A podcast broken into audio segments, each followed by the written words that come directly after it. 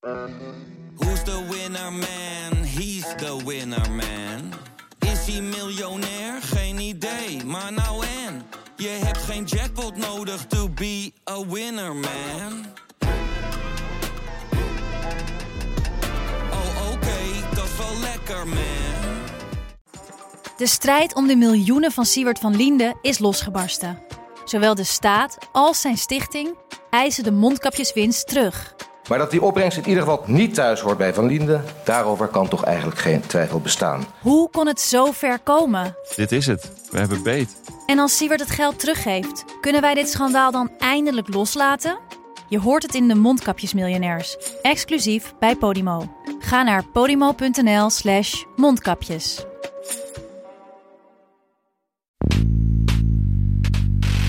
De bedoeling is om je medeplichtig te maken. Jij gaat jouw bijdrage aan het instand houden van het systeem leveren nu. Welkom, we zijn blij dat je er bent. Fijn en eh, vanaf nu ben je een van de bewoners van het Binnenhof en je gaat nu leveren. Wij bieden jou bepaalde faciliteiten aan. We kunnen je dingen vertellen.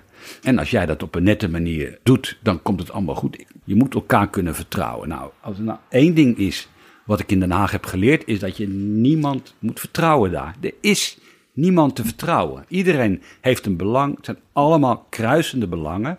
Zelfs binnen een fractie vertrouwen ze elkaar Binnen, niet. binnen een fractie al niet. Nee, daar begint het al. Dit is Betrouwbare Bronnen met Jaap Jansen.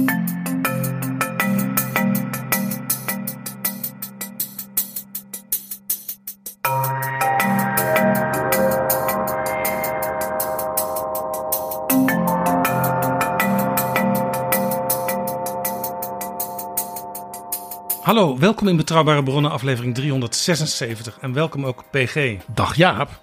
PG, ik citeer. In de politiek worden lastige keuzes doorgeschoven of veel te laat gemaakt. Het Binnenhof zakt weg in een poel van onvermogen. Dat schrijft Arian Korteweg in zijn deze week verschenen boek Het Haagse Moeras. Hij analyseert de kramp van politiek Den Haag. En hij waarschuwt, als Den Haag zichzelf niet aan de eigen haren uit het moeras trekt, dan... Bij ons is de gast Arian Korteweg. Welkom in Betrouwbare Bronnen. Dankjewel. Ja, Arian, als Den Haag zichzelf niet aan de eigen haren uit het moeras trekt, wat dan? Eh, dan wordt het een bende. Ik heb heel lang daarover eh, gedacht. Ik moet een boek schrijven over wat ik in Den Haag heb meegemaakt en bedacht. En dat is alle kanten opgeschoten. En de laatste twee jaar dat ik eh, politiek verslaggever was, is dat idee concreter geworden. Omdat ik het steeds meer zag mislukken. Ik heb heel lang gedacht, Den Haag is een soort bundeling van allemaal capabele mensen. Allemaal mensen die het goede willen. Ja, interessante mensen, getalenteerde mensen, ambitieuze mensen. De een vindt dit, de ander vindt dat. Maar bij elkaar is het een heel mooi boeket, zal ik maar zeggen. Het is een mooie bundeling van krachten. En dat komt wel goed uiteindelijk. En daar ben ik aan gaan twijfelen de laatste jaren. En dat gaf eigenlijk richting aan het boek, omdat er zoveel problemen niet werden opgelost. En eigenlijk je zag hoe Den Haag zichzelf steeds meer aan het verstikken was. Kwam dat nou doordat uw inschatting dat ze zo getalenteerd en gedreven waren niet klopte? Of kwam het doordat het meer is dan alleen maar bundeling van individuen die leuke dingen doen? Nee, ze zijn natuurlijk de- qua ambities en eh, kwaliteiten van de mensen. Eh, is er denk ik door de jaren heen niet zo heel veel veranderd. Landspolitiek trekt nog steeds wel goede mensen aan. Daar kun je van alles van zeggen. Hè? Want de vijvers, waaruit vooral de middenpartijen kunnen putten, die, die worden steeds en steeds en steeds kleiner. Steeds minder leden. Steeds minder leden, eh, eh, steeds minder mensen die zich politiek willen engageren. Partijen bij elkaar krijgen steeds meer leden. Dat vind ik een heel interessant gegeven. Hè. Vanaf 1980 is dat steeds gedaald. En nu ineens weer zitten we op aantallen van zo'n beetje rond 1980. Dat is best een interessante ontwikkeling. Ja, maar vooral ook flankpartijen. Bijvoorbeeld Ja. FVD heeft de meeste leden. Maar ja, Ja. het is eh, toch maar een hele kleine en ehm, in zekere zin niet ter zake doende partij. Ja, die groei zit helemaal op de flanken. Alle flanken zo'n beetje groeien, tenzij ze al heel lang flank zijn, zoals de SP. En alle middenpartijen slinken. Hè, Je hebt vijf partijen in Nederland die ooit bestuurd hebben. Dat is eigenlijk weinig als je het gegeven hebt. Dat je, Maar ze waren dan ook veelal groot. En die waren groot, behalve dan de ChristenUnie. eh waren, waren een grote partij. Die zijn steeds gekrompen. Die zijn, nou dat is dan wat ik in het boek probeer te betogen. Die zijn naar elkaar toegetrokken. Die zijn ideologisch uitwisselbaar geworden. Mensen weten niet meer waarom ze voor de een dan wel voor de ander zouden moeten kiezen. En eh, dat vertaalt zich onder andere in afnemend ledental. Hè. Dus je zag bij D66 is het beste voorbeeld dat als die bewindspersonen zoeken, dan moeten ze mensen zoeken buiten hun partij, die dus op het laatste moment lid worden. Hè, dat geldt voor Kuipers. eh Dijkgraaf was een soort slapend lid. Menno Snel. Ehm, Menno Snel was er eentje. Oesloe was er En, en- eentje. en bij de VVD, die dat. en, en Kaag wil ik Ja. nog even noemen, want dat geldt ook ja. voor de baas van en de VVD partij. doet dat niet, maar die heeft eh, als grootste partij relatief heel erg weinig leden nog maar over. Tiende Eh, partij in omvang in En Nederland. daar wordt juist ook wel een beetje eh, geklaagd in de analyses van wie ze nu toch weer minister hebben gemaakt of staatssecretaris. Ja, nou dat klopt. Het, het is in omvang zijn ze kleiner dan de, dan de ChristenUnie in ledental. Nou, en, en die partijen die hebben nog steeds ook een, een soort privilege. Ik vind het een absurd privilege dat ze alle commissarissen van de koning mogen leveren. Alle burgemeesters mogen leveren. Het, is nog steeds, het spreekt helemaal vanzelf dat een burgemeester PvdA of CDA is. Terwijl dat zijn, dat zijn mini-partijtjes geworden. Er is nog veel meer aan de hand en daar gaan we het met Arian over hebben. Maar eerst, PG, zijn er nog nieuwe vrienden van de show? Ja, die zijn er. En ja, ik je weet, ik zeg altijd, dat is opbeurend. Een mens kan in een bepaalde manier nooit genoeg vrienden krijgen. Dus daarom een heel groot woord van dank aan jou, beste Wim, aan RW, aan Henk Hette en aan Gerald. En er zijn ook nog mensen die een losse donatie hebben gedaan. Dat zijn er nog meer, Jaap. Dankjewel, Jeroen, Dirk-Jan, René, Berry, Robert, Erik en Jacco. Wil jij ons ook steunen? Ga dan naar vriendvandeshow.nl slash bb. En we hebben een mailtje binnengekregen van Merlin uit Utrecht. Die schrijft, beste Jaap en PG, al een aantal jaren luister ik met veel plezier naar betrouwbare bronnen. In het bijzonder geniet ik van de afleveringen over de voorzittende landen van de Europese Unie. De politieke geschiedenis, boekbesprekingen en thematische afleveringen over bijvoorbeeld de omgangsvormen in de Kamer. eh, de x aantal tips voor beginnende staatslieden, etc. Als ik er nu over nadenk, is het luisteren naar betrouwbare bronnen eigenlijk altijd leerzaam, vermakelijk of allebei. Veel dank voor het zijn en bieden van betrouwbare bronnen. Dankjewel, Merlin. En eigenlijk wordt hij meteen op zijn wenken bediend in deze aflevering. Ook nog een mailtje is binnengekomen van Bart uit Veenendaal. En die zegt: Met veel plezier luister ik naar betrouwbare bronnen onderweg in de auto om uit te zoomen van het dagelijkse nieuws. Dankjewel, Bart. Dit is Betrouwbare Bronnen. Nogmaals welkom, Arian Korteweg. Je was adjunct-hoofdredacteur van de Volkskrant, correspondent in Frankrijk en tot 2022 politiek verslaggever. Je schreef ook een wekelijkse verslaggeverscolumn. Ja. En eigenlijk is dit nieuwe boek, 284 pagina's dik, een heel lange verslaggeverscolumn. Observaties en analyses wisselen elkaar af. En je filosofeert ook over hoe het beter kan in Den Haag. Ja, het is journalistiek een ingewikkelde vorm, verslaggeverscolumn. Want ehm, Wat is het? ja, er zijn niet veel media die hem gebruiken. Ehm, wij zijn het jaar of nou, negen geleden denk ik gaan doen als Volkskrant. En ehm, het is column in de zin van dat degene die je mag maken zelf zijn onderwerpen kiest, zelf zijn aanpak kiest, zelf mag bepalen wat hij wel eh, opschrijft en wat hij weglaat. Ehm, en het is verslaggeving in de zin van je gaat ergens heen, je gaat mensen opzoeken, je gaat iets uitzoeken, Eh, je, je bent ergens, je bent ergens nieuwsgierig naar, dus je hebt altijd primaire bronnen. Het is dus niet een soort opinieding. Kijk, mij eens heel Nee. belangrijke gedachten hebben over het wereldraad. Daar zijn er heel veel van. En het idee van de verslaggeverscolumn is dat je op zoek gaat naar wat voor jou die week belangrijk is. En vaak ook door de andere kant op te kijken. Door te kijken naar iets, ik kan, ik kan er eentje noemen. Bijvoorbeeld het VVD-Kamerlid Daniel Koerhuis. De man van bouwen, bouwen, bouwen. En rijden, rijden, rijden.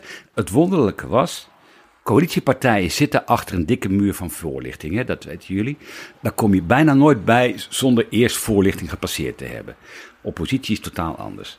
Nou, ik heb aangeklopt bij Koerhuis. Ik kende hem eigenlijk niet zo. Ik heb aangeklopt bij Koerhuis. Eh, kan ik u even spreken? Kom maar binnen, zei hij.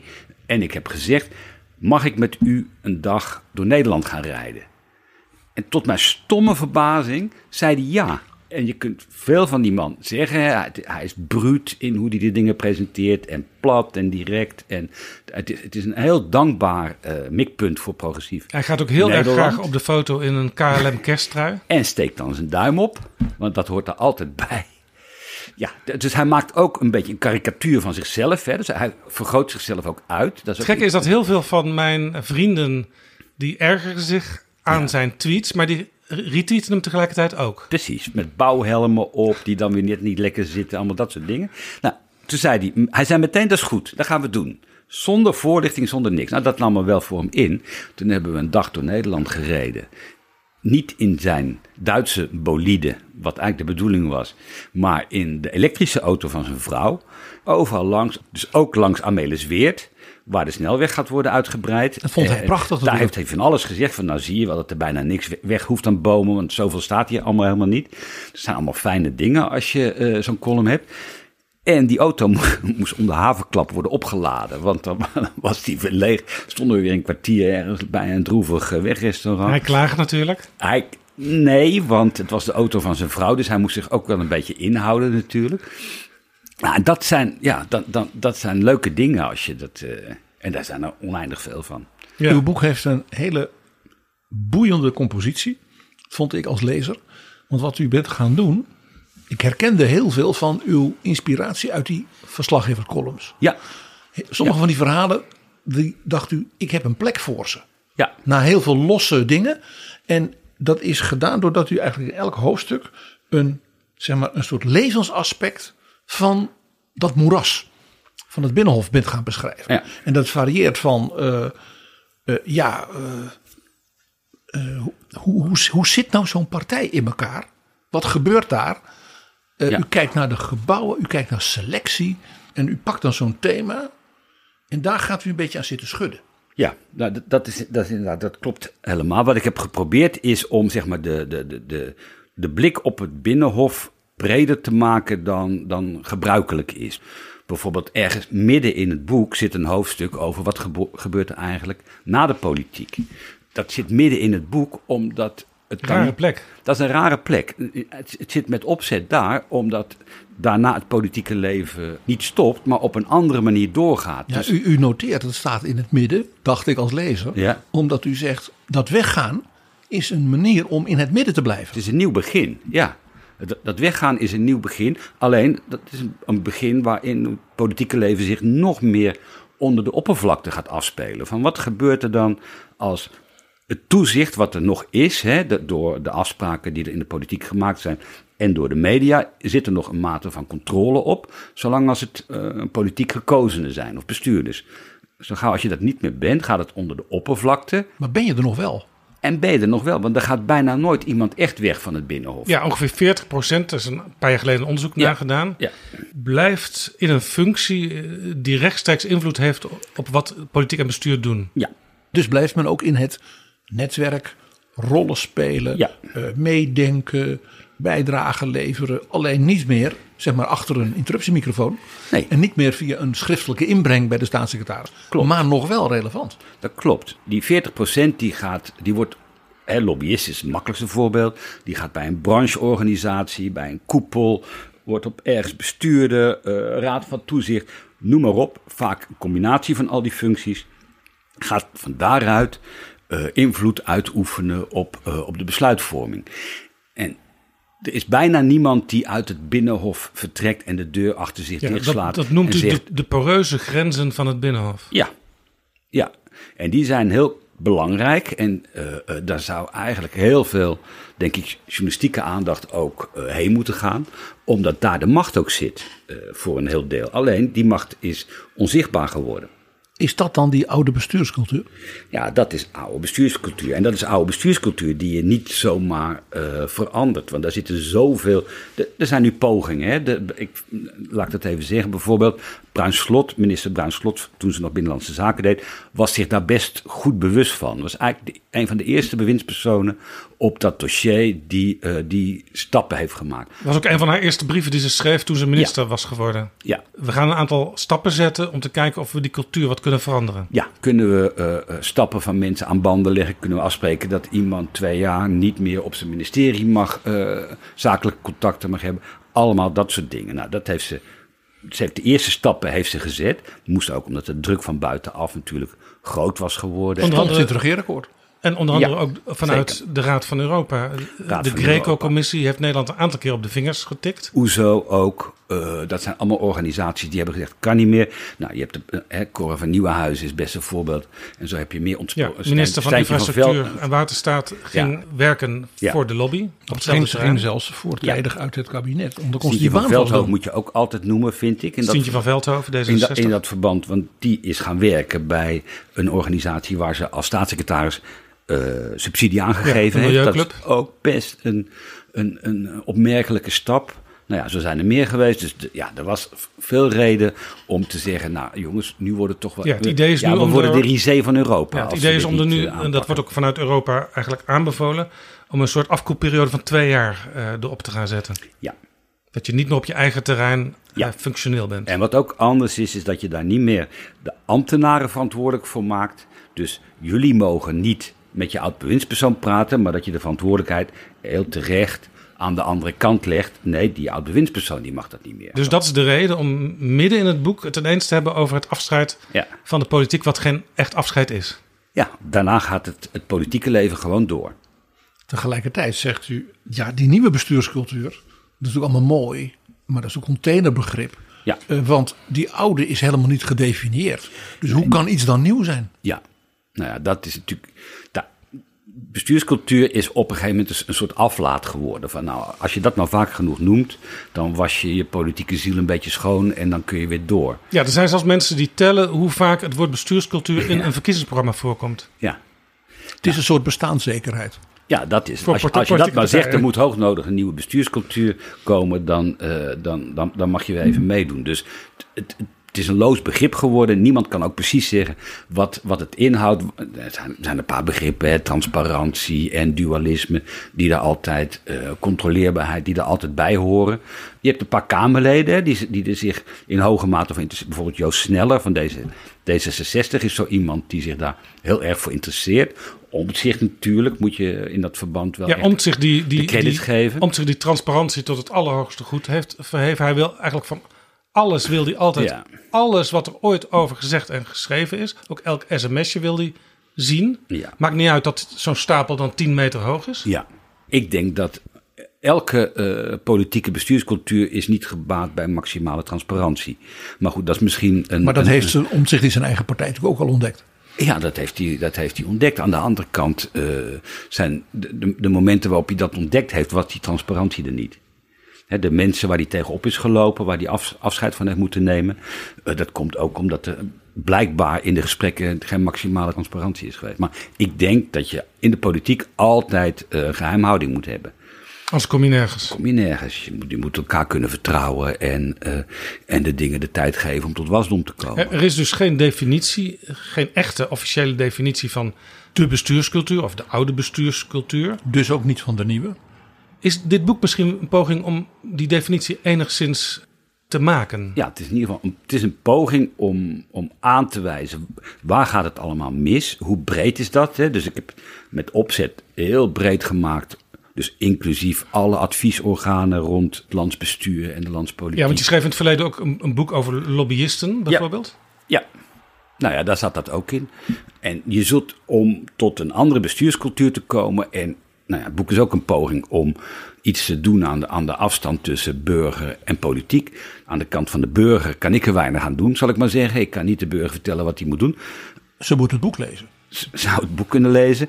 Eh, je ziet, dat, daar eindigt het boek mee, dat de burger wel, dat is dan het- de hoop waarmee het boek eindigt, heel veel meer geïnteresseerd is in politiek dan die de afgelopen decennia is geweest. Als er iets is waar je eh, hoop uit kunt putten, is het wat mij betreft dat. Ja, nou is een van de elementen die je daarbij noemt, behalve dan veel leden, maar dat is ook maar in bepaalde partijen, eh, zoveel demonstraties. Maar die demonstraties zijn juist ook voor een groot deel van mensen die bijna geen hoop meer hebben dat de politiek nog echt iets kan betekenen. Nou, maar de, nou, ik, ik kwam 2013 terug uit, eh, uit Frankrijk. En in Frankrijk raak je er op een gegeven moment helemaal mee vertrouwd. Dat demonstreren is er elke dag. Er wordt altijd Ja. gedemonstreerd. De gele hesjes komen ook uit Frankrijk als Gele hesjes komen uit Frankrijk en elke generatie doet mee. Dus, dus eh, een van mijn grote verbazing was echt scholieren die vrij van school krijgen om eh, voor het behoud van de pensioenen te demonstreren. Dat is dus oude bestuurscultuur van Frankrijk.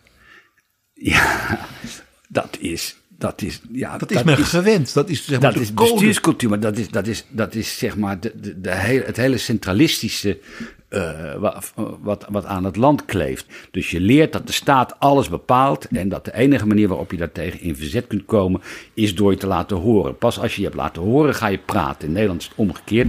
Ga je eerst praten en als dat helemaal mislukt ga je laten horen. Maar nou, toen kwam ik terug en demonstraties in Nederland. Ja, er is vanmiddag een demonstratie. Nou, dat was dan twintig man met een spandoek en een megafoon. Ja, op dus je denkt, leuk, verslaggeverscolumn, daar ga ik heen. Ja, ik ben vaak naar demonstraties geweest. En had je dus iedereen die demonstreerde, kon je een hand geven dan. Wat Ja. in Frankrijk niet kon. Ja, dat kon. Maar ik, ik weet nog, dat, dat was een verslaggeverscolumn. Wat mij betreft eh, heel erg interessant. Er was een clubje mensen op het Binnenhof, op het plein. En, en je kon ze niet thuisbrengen. Bijna altijd. Weet je het wel ongeveer wat, wat, wat het is. Nu stond er een clubje waarvan ik dacht, wat wat zijn dat voor mensen? Wat willen ze? Het was op een vrijdag, dus op een dag dat het geen zin heeft om te demonstreren. Want de Kamer doet niks. Ik ben naar ze, en dat waren Jezidis. En ik had nog nooit van Jezidis gehoord. En dat bleek, eh, nou ja, die vertelden over wat er eh, met IS gebeurde. En wat er daar in, Sinjar- in, in, eh, in Irak met hen eh, ge- gebeurd was. Of in Syrië. En, ehm, en ben met hen, toen met hen gepraat en eh, bij hen thuis geweest en zo. Maar dat gold dus als, als een serieuze demonstratie in, waar je toestemming voor moet vragen van de politie en dat allemaal. En sinds 2018 zijn we in Nederland weer echt gaan demonstreren. Is er weer echt buiten parlementaire Ja, actie gekomen. staat het Malieveld weer vol en- en- en de Rijksweg. Ja, en, en ook op manieren die de, die de overheid en de politie helemaal niet fijn vindt. Dus er is weer echt engagement gekomen. En dat kan heel lastig zijn en moeilijk om mee te dealen. Maar dat is wel interessant. Dat is wel een teken dat mensen weer zin hebben om er zich mee te bemoeien. Met de gele hesjes was dat. Is geprobeerd naar Nederland te, te, te, te verhuizen. Totaal mislukt. Daar sloegen we totaal niet op aan. Waarom niet? Was te vroeg, denk ik. Dat was eerder, hè? dat was eh, zo 2017. Dat was blijkbaar in een tijd dat het nog niet rijp was hier. En dat gebeurde ook een beetje van bovenaf door semi-bekende Nederlanders, als ik me goed herinner. Het had ook geen thema. Het had niet echt het thema, maar je zag wel, Rutte heeft ze meteen op het torentje uitgenodigd. Hè? Die, die, die vijf gele hesjes die er waren in Nederland, die zijn allemaal op het torentje Dat is ook geweest. typisch Nederlands, om mensen meteen weer erbij te Te- betrekken. te- te- ja, zeker te, te verstikken. Want dat, dat vind ik ook interessant in het boek. Er is iets merkwaardigs in, in de Haagse politiek, schrijf je. Vrijwel iedereen die het Binnenhof betreedt, en zeker de mensen die daar gaan werken, die conformeert zich aan de cultuur die daar heerst. Je hebt een prachtig motto. Dat is het credo van Den Haag. Kom erbij en word als wij. Ja, ja. Ja, ik toen zeg, dacht dat ik, moet dit op de is- stadhouderspoort komen. Ja. Ja, toen dacht ik, maar dit is heel erg Nederland. Ja. Want dat zeggen wij ook tegen onze allochtonen. Ja. U bent welkom, u ook, maar alleen als u wordt zoals wij. Ja. ja. En is dat aan het Binnenhof ook zo? Toen ik naar het Binnenhof kwam dus, als Want verslaggever. jij kwam als een soort Fransman. Ja, en ik, had Hè? ik, ik kende dat ook helemaal niet. Dus ik was heel verbaasd dat ik tegen iedereen jij moest zeggen. Geen vouvoyeren. Nee, ab, Ik, me- ik absoluut- merk trouwens dat we in dit gesprek daar ook moeite mee hebben. Want meestal zeggen wij u tegen onze gasten. Maar ik ben journalist, jij bent journalist. Wij zijn Ja. natuurlijk toch een soort van familie van elkaar. Dus bij mij is het al snel dan je. En ik begon met u. Ja. En ik heb jou ook al je horen zeggen. En ik ben nu ook Nou, naar nou, je, want ik, ik kan mij nog levendig herinneren. Ik ben ooit een keer het object geweest van zo'n verslag. Zeker, zeker. Column. Ja. Dan lag de kabinetsformatie zo stil dat Ariane dacht: Weet je wat ik nou ga doen? Ik ga naar een plek waar het vast stiekem nog niet stil is. En dat is de zolderkamer van PG Kroeger. Klopt, ja. Klopt. Nee, laten we met je verder gaan, wat mij Ja, betreft. dat is goed. Dat vouvoyeren, dat is tenslotte Frans. Dat is Frans. En, en ik wist niet meer in welke mate dat Frans was. Dus, Ja. en, en je spreekt op Binnenhof, althans ik in het begin, sprak mensen waar ik wel een beetje tegen opkeek allemaal. eh, eh, ervaren Kamerleden en statige figuren. En bewindspersonen waarvan ik dacht, daar moet je toch minstens u tegen zeggen. Nou, als je dat doet, sluit je jezelf al buiten. Dat is heel ongebruikelijk, dus dat moet je beslist niet Het gekke doen. is, als de microfoon aangaat of de camera, dan zeggen we ineens Ja. wel weer u. Hoewel dat bij de jongere generatie ook weer niet automatisch zo is. Nee, Nee, en je ziet het ook in talkshows op tv en zo. Eh, Ik heb daar een hekel aan, maar dan zie je echt eh, voortdurend je. Ministers worden met je aangesproken, worden bij hun voornaam genoemd. Hugo, wat vind je ervan? En, en dat is allemaal om die afstand te verkleinen. Het is allemaal om de verschillen te overbruggen. Eigenlijk om te zorgen dat het proces alsmaar door en door en door gaat. En een soort stilzwijgend, wij begrijpen elkaar. Ja, het is allemaal de smeerolie in de machine. Dat soort, Ja, maar, dat maar soort ook dingen. domesticatie. Ja, Je moet- aanpassen. je- precies. Ja. Je past je wel aan. Je bent hier nieuw, je past je wel aan. Ja. En dat noemen we tolerantie. Nou ja, ik, ik heb pro- geprobeerd om daar buiten te blijven een beetje. Ik heb geprobeerd om toch enige afstand te houden van, eh, van, van de populatie van het Binnenhof.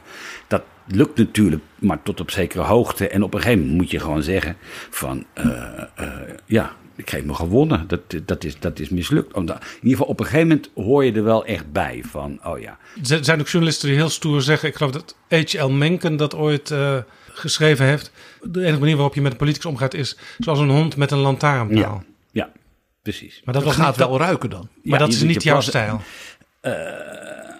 Nou, dat, is, dat was mijn, mijn, mijn beginpunt was wel dat, ja. Van, dat, is mijn onderwerp, maar dat zijn niet eh, mijn, mijn kennissen of mijn vrienden. Ik moet, ik moet afstand houden. Ik moet, de- dus, de- eh, de- ik, ik moet zorgen dat ik daar buiten blijf. Ik, Liever ook ik, niet- ik ben er om ze te controleren. Ik ben er om te vertellen hoe zij het doen. Om, om, om uit te leggen hoe dat hele mechaniek werkt. En dat kan ik niet doen als ik daar helemaal deel van uit ga maken. Liever Dus ook niet per ongeluk bij elkaar op verjaardagsfeestjes komen. Nee, had makkelijk gekund, maar heb ik nooit gedaan.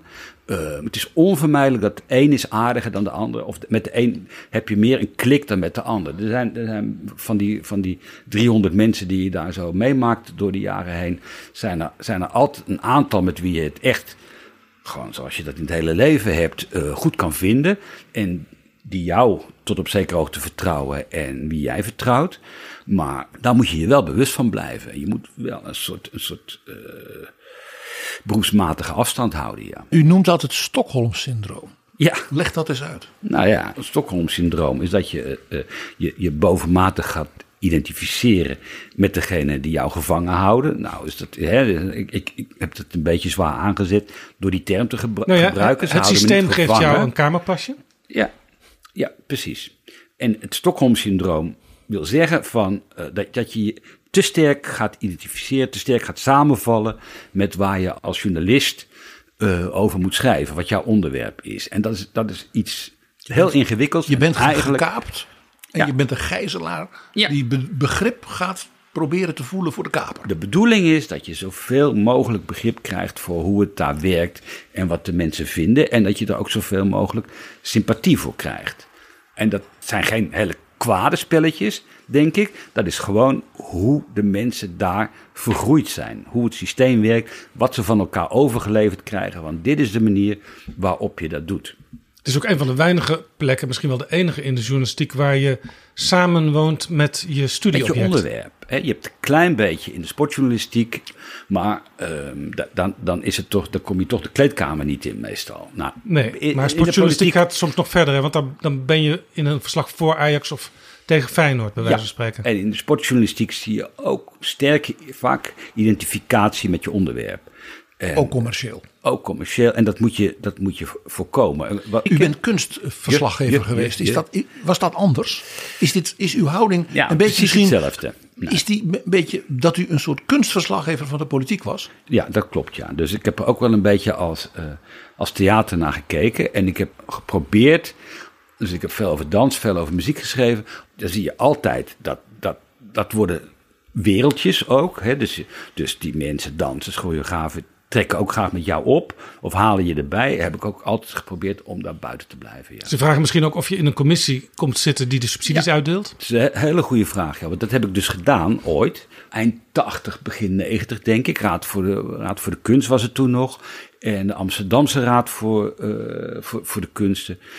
Heb ik, heb ik één of twee rondes gedaan. En toen ook gedacht, ja, maar dit kan ik helemaal niet doen. Ik kan niet zorgen dat gezelschappen, individuen subsidie krijgen. En er dan Of later juist niet. Een oordeel, of, of niet. En er dan later in de krant een oordeel over vellen. Dat is een vermenging die ik helemaal niet wil. Dus daar ben ik ook mee gestopt.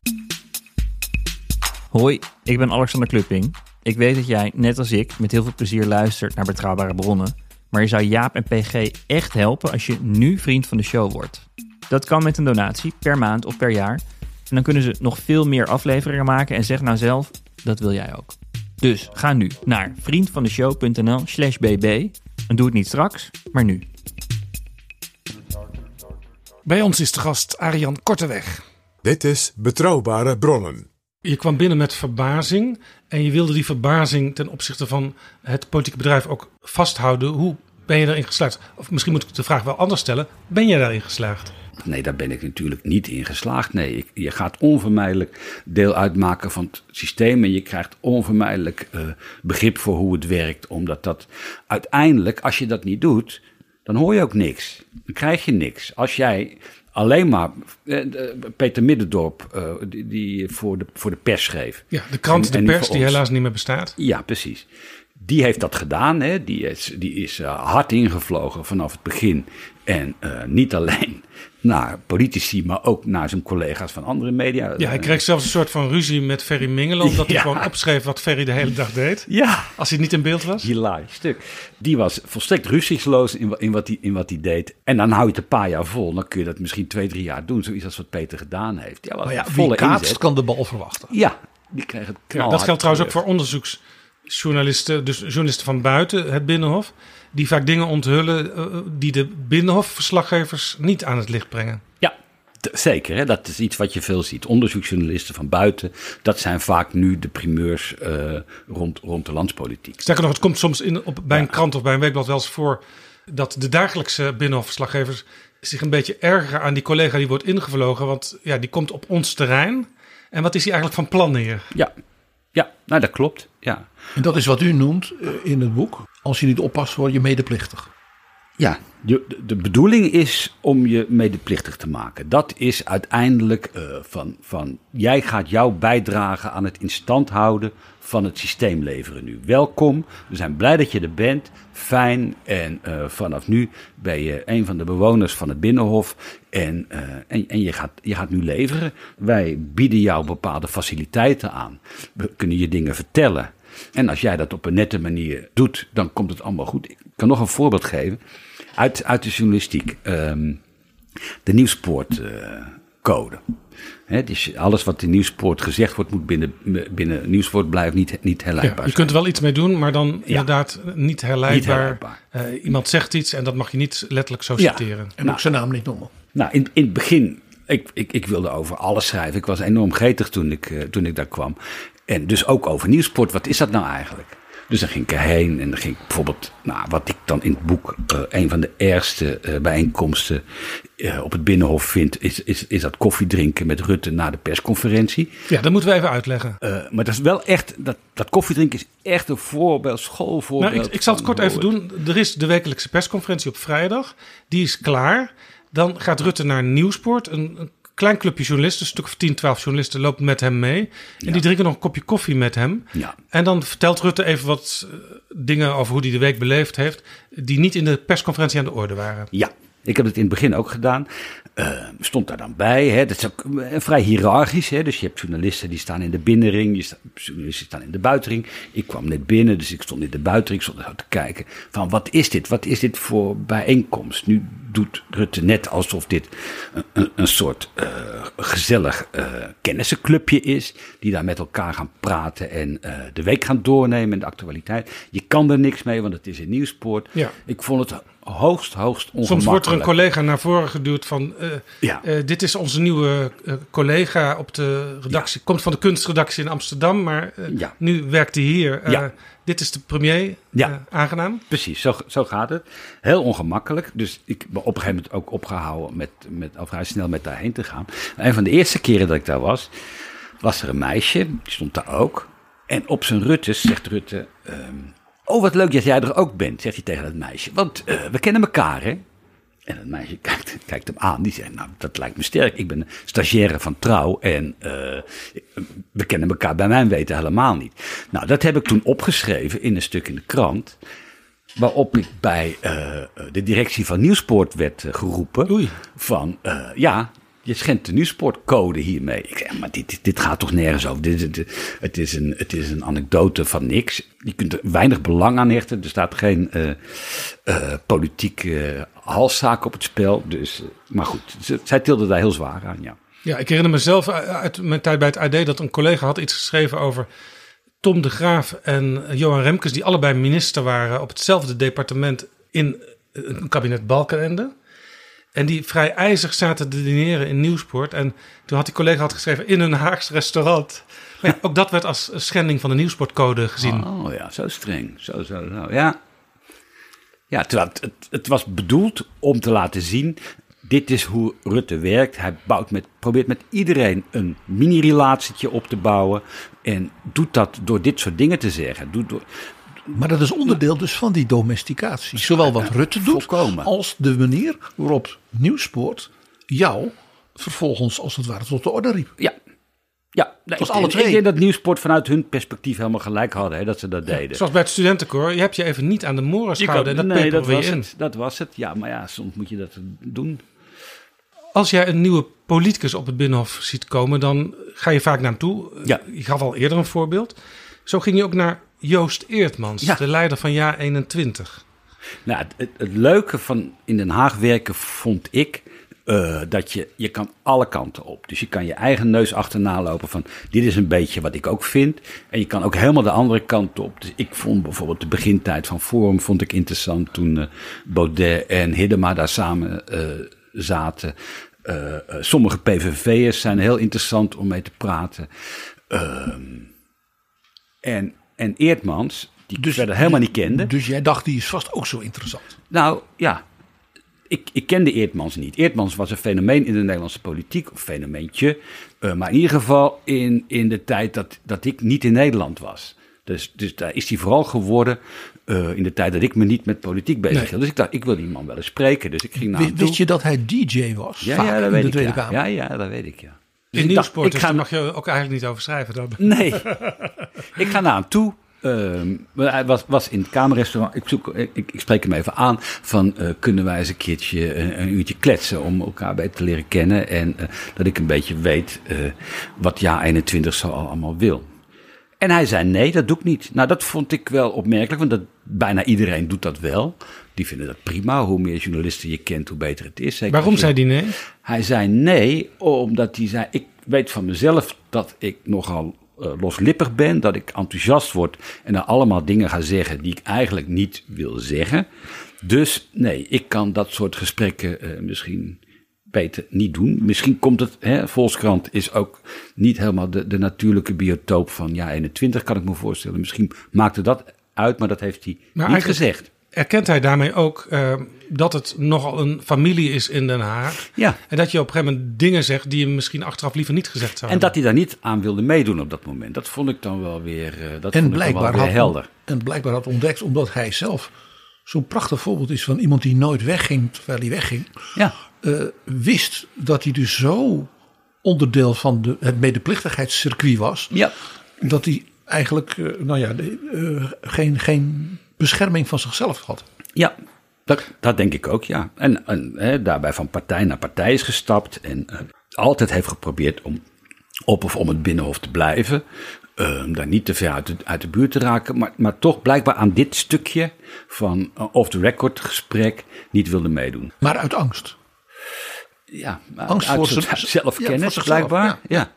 ja. Het andere uiterste is Zini Usdeel, die een tijdje voor Ja. GroenLinks in de Kamer heeft gezeten. Eh, die ging jou op een gegeven moment zelfs om advies vragen wat hij eh, in de komende dagen, de komende uren Ja. moest doen. En wat uiteindelijk leidde tot zijn vertrek. Ja, en hij gaf uiteindelijk de oplossing die hij heeft gekozen ook de naam de korte weg.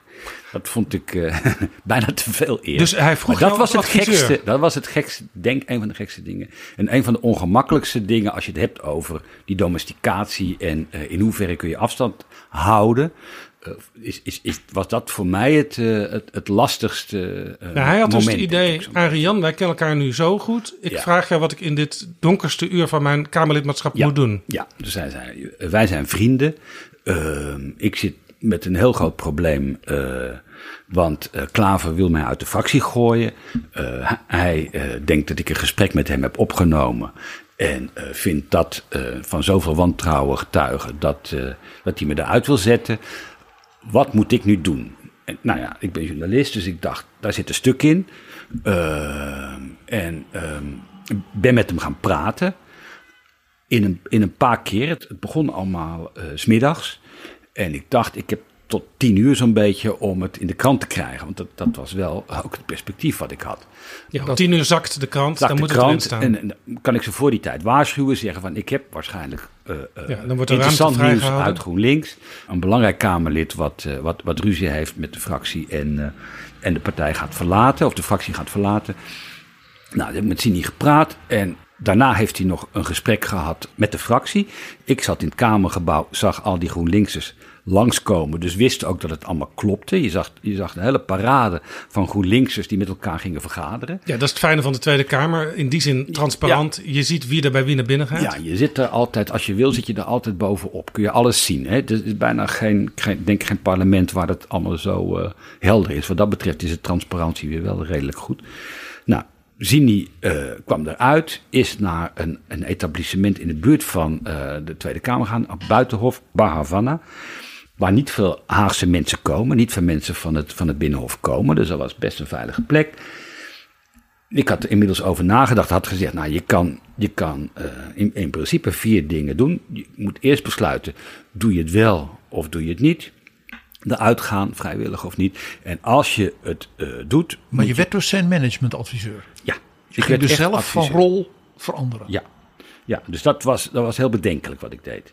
En- Maar ja, je wil zo'n man helpen, want die, die zit in eh, Ja. Waarom zou je? dire straits. Ja, nou, ik kon het wel met hem vinden. Daar heb je het. Ik kon het wel met hem vinden. Hij was ook wel een columnist klik. geweest. Ja, we hadden een paar keer eh, eh, afgesproken. We hadden lang gepraat. En, eh, en hij was, ik zag in hem wel een soort geestverwant, zeg maar. Hij was ook iemand die van buiten in Den Haag kwam. Hij was, eh, wa- eh, hoe, hoe noem je dat? Een soort uh, opiniemaker, essayist, eh, universitair docent. Hij deed dat soort dingen. Hij Ja. kwam helemaal niet uit de politieke wereld. En iemand die zich ook had voorgenomen zich niet aan te passen aan de mores. En die ook van GroenLinks die vrijbrief zou, zou krijgen. Dat was de, hij stond hoog op de lijst toen die kwam. En hij zou de vrijbrief krijgen van, nou jij kan bij ons je portefeuille een beetje invullen zoals je zelf wil. Dus, ehm, nou goed, de, de, de tweede mogelijkheid was van je gaat ermee akkoord en dan kun je kiezen. ehm, ik maak het zelf bekend of ik laat het GroenLinks bekendmaken. En die eerste variant, dus zelf bekendmaken, zelf die stap zetten, zelf naar buiten ermee komen, eh, heeft hij voor gekozen en die ging die dus de korte weg noemen. Ja, want dan hou je regie in eigen hand. Regie in eigen hand. Dat zou, dat zou ik doen. Je moet zelf nu zorgen dat jij eh, de baas bent over wat er gebeurt. Zelf naar buiten brengen, niet in de woorden van GroenLinks, maar in je eigen woorden. Ja, dat heeft hij toen gedaan. Toen heeft hij het toch nog wel net even eerder zelf op, eh, wat was het, op Facebook of zo gezet. dan voordat wij het in de krant eh, op de site konden zetten. Dus dat plezier had ik er dan weer niet van. Maar hij heeft wel eh, dat advies opgevolgd, zelf bekendgemaakt. En ik heb daarna ook het interview met hem gedaan. Het eerste interview toen hij, toen hij weg was. En, dus, dus En zo ontstaat dus Arjan Korteweg, de politiek adviseur. Ja. Die, die, die capaciteit had je dus ook nog in je. U was helemaal medeplichtig geworden. Ja, ik was op dat moment echt mede, medeplichtig. Ja, dat was ongemakkelijk. Ik heb er later nog wel in de krant over geschreven. Ik heb, ik heb een column over geschreven van wat er gebeurd was. Ook voor mezelf om, ah, ik denk als je het publiek maakt dat dit gespeeld heeft, dan eh, verliest het iets van zijn, eh, van zijn ongemakkelijke kanten. Dan, of dan kan ik in ieder geval uitleggen, ja, dit is wat, wat je kan overkomen als je daar als verslaggever werkt. Het, het, het hoort bij het, eh, bij het leven op het Binnenhof. Even een hele, ja. hele, een hele feitelijke vraag die je niet hoeft te beantwoorden. Hoe heeft Jesse Klaver, en ik zal maar zeggen, de, de, de partij machtsstructuur van GroenLinks hierop Vonden ze heel vervelend. Vonden ze heel vervelend. Heel gek dat ik eh, eh, die gesprek had gehad. Dat ik, daar, dat ik niet om we- wederhoor had gevraagd. Dat ik eh, hen daar niet van op de hoogte had gesteld. Dat, ja, dat, ging niet, dat heb ik niet van Jesse direct gehoord, maar van zijn, van zijn woordvoerder. Had hij gelijk? Nee, nou, het geen gelijk. Nee, ik, ik vind dat gaat hen niet aan. Ik ben niet in dienst van, van GroenLinks. Maar wederhoor is wel een journalistiek principe. Ja, maar Ik heb Usdiel geadviseerd en, en wist eh, inmiddels van GroenLinks hoe zij, wat de reden was. Het ging, dat ging onder andere over, uh, over het studieleenstelsel. Waarin hij een afwijkende mening had. Hij vond dat dat nooit had mogen gebeuren. Hij heeft achteraf ook gelijk gekregen. Er zijn er meer die dat vinden? Ja. Nou, er zijn heel veel inmiddels die dat vinden. Het is, het is teruggedraaid. Maar goed, dat, dat was dus een, eigenlijk een voorbeeld van domesticatie waar je zelf... Nou ja, goed, daarom, daarom heb ik het ook in het boek gezet. Slachtoffer uh, van werd. Ja, Nee, nou je ja, zat- dat ligt steeds... Je zat zelf achter de knoppen. Ik zat achter de knoppen, ja. Dat is een heel, een heel Je was geen slachtoffer. wel een interessante gewaarwording om aan de knoppen te zitten. Het is natuurlijk heerlijk om aan de knoppen te zitten. En zeker omdat hij dat de korte weg ging noemen, de route die hij nam. Dat was een hele eer, maar het was enorm ongemakkelijk. Dus als ooit een politiek woordenboek komt, dan komt naast het geitenpaadje, wat Ja, we door Mark Rutte hebben leren kennen, de korte weg ook nou, daarin ja, voor. Ja, maar niet altijd is een korte weg. Wij, wij hadden onlangs Jan Tromp te gast, jouw oud-collega. Jullie hebben ook samen in de hoofdredactie van de Volkskrant gezeten. Met Koen van der Ven over hun boek, over het Binnenhof. Precies. En Jan Tromp die beschreef dat in zijn tijd op het Binnenhof, dat is inmiddels al enkele decennia geleden, Ja. eh, 's middags om een uur of drie, dan ging je naar eh, de koffiekamer op Binnenhof 5. En daar stond geen koffie op tafel, maar de eerste drank die was al aangebroken. Ja. En dan ging je met mensen van allerlei politieke partijen, linkse partijen, maar er kwamen ook al mensen van, van andere partijen. Dus even eh, de hele stand van zaken van eh, het land doornemen. En ook praten over hoe zouden we nu verder kunnen gaan. Ja. Ja, ik heb, ik heb dat boek van, eh, van Jan Tromp en Koen van der Ven gelezen. Ik vond het enorm verbazend. Van de, de wereld die Jan Tromp beschrijft, is voor mij eh, onher- onherkenbaar eigenlijk. En ook de journalistieke instelling waarmee die. eh, eh, het, het boek bestaat uit twee delen. Het bestaat uit de visie Tromp en de visie van de Ven. Ja, daar zit ook een groot verschil tussen. Enorm verschil, heel interessant verschil. Maar Jan Tromp, die heeft een sterke nostalgische attitude naar die Ja. domesticatie. Eh, Ja, voor Jan was het, was het voor een deel echt, eh waren het collega's, de politici. Het waren mensen die weliswaar tot een andere beroepsgroep eh, hoorden, maar die een gemeenschappelijk doel hadden. Ja, die kwamen echt bij elkaar over de vloer af en toe. Kwamen heel erg bij elkaar over de vloer. Niet een beetje, maar heel erg. En dat ging uit van vertrouwen. Je moet elkaar kunnen vertrouwen. Nou, als er nou één ding is wat ik in Den Haag heb geleerd, is dat je niemand moet vertrouwen daar. Er is niemand te vertrouwen. Iedereen heeft een belang. Het zijn allemaal kruisende belangen. Zelfs binnen een fractie vertrouwen ze elkaar Binnen, niet. binnen een fractie al niet. Nee, daar begint het al. Eh, al die belangen eh, kunnen een eindje gelijk oplopen. Dat is prettig, dan kun je misschien ergens komen. En daarna gaan ze onvermijdelijk lopen ze uiteen. Dus de, één ding wat ik heb geleerd, van, van, ik heb hem niet lang meegemaakt, maar eventjes. Henri Kruithof, beroemde eh, spindokter van de VVD. Vroeger ook journalist geweest. Die zei, één, ik besta niet.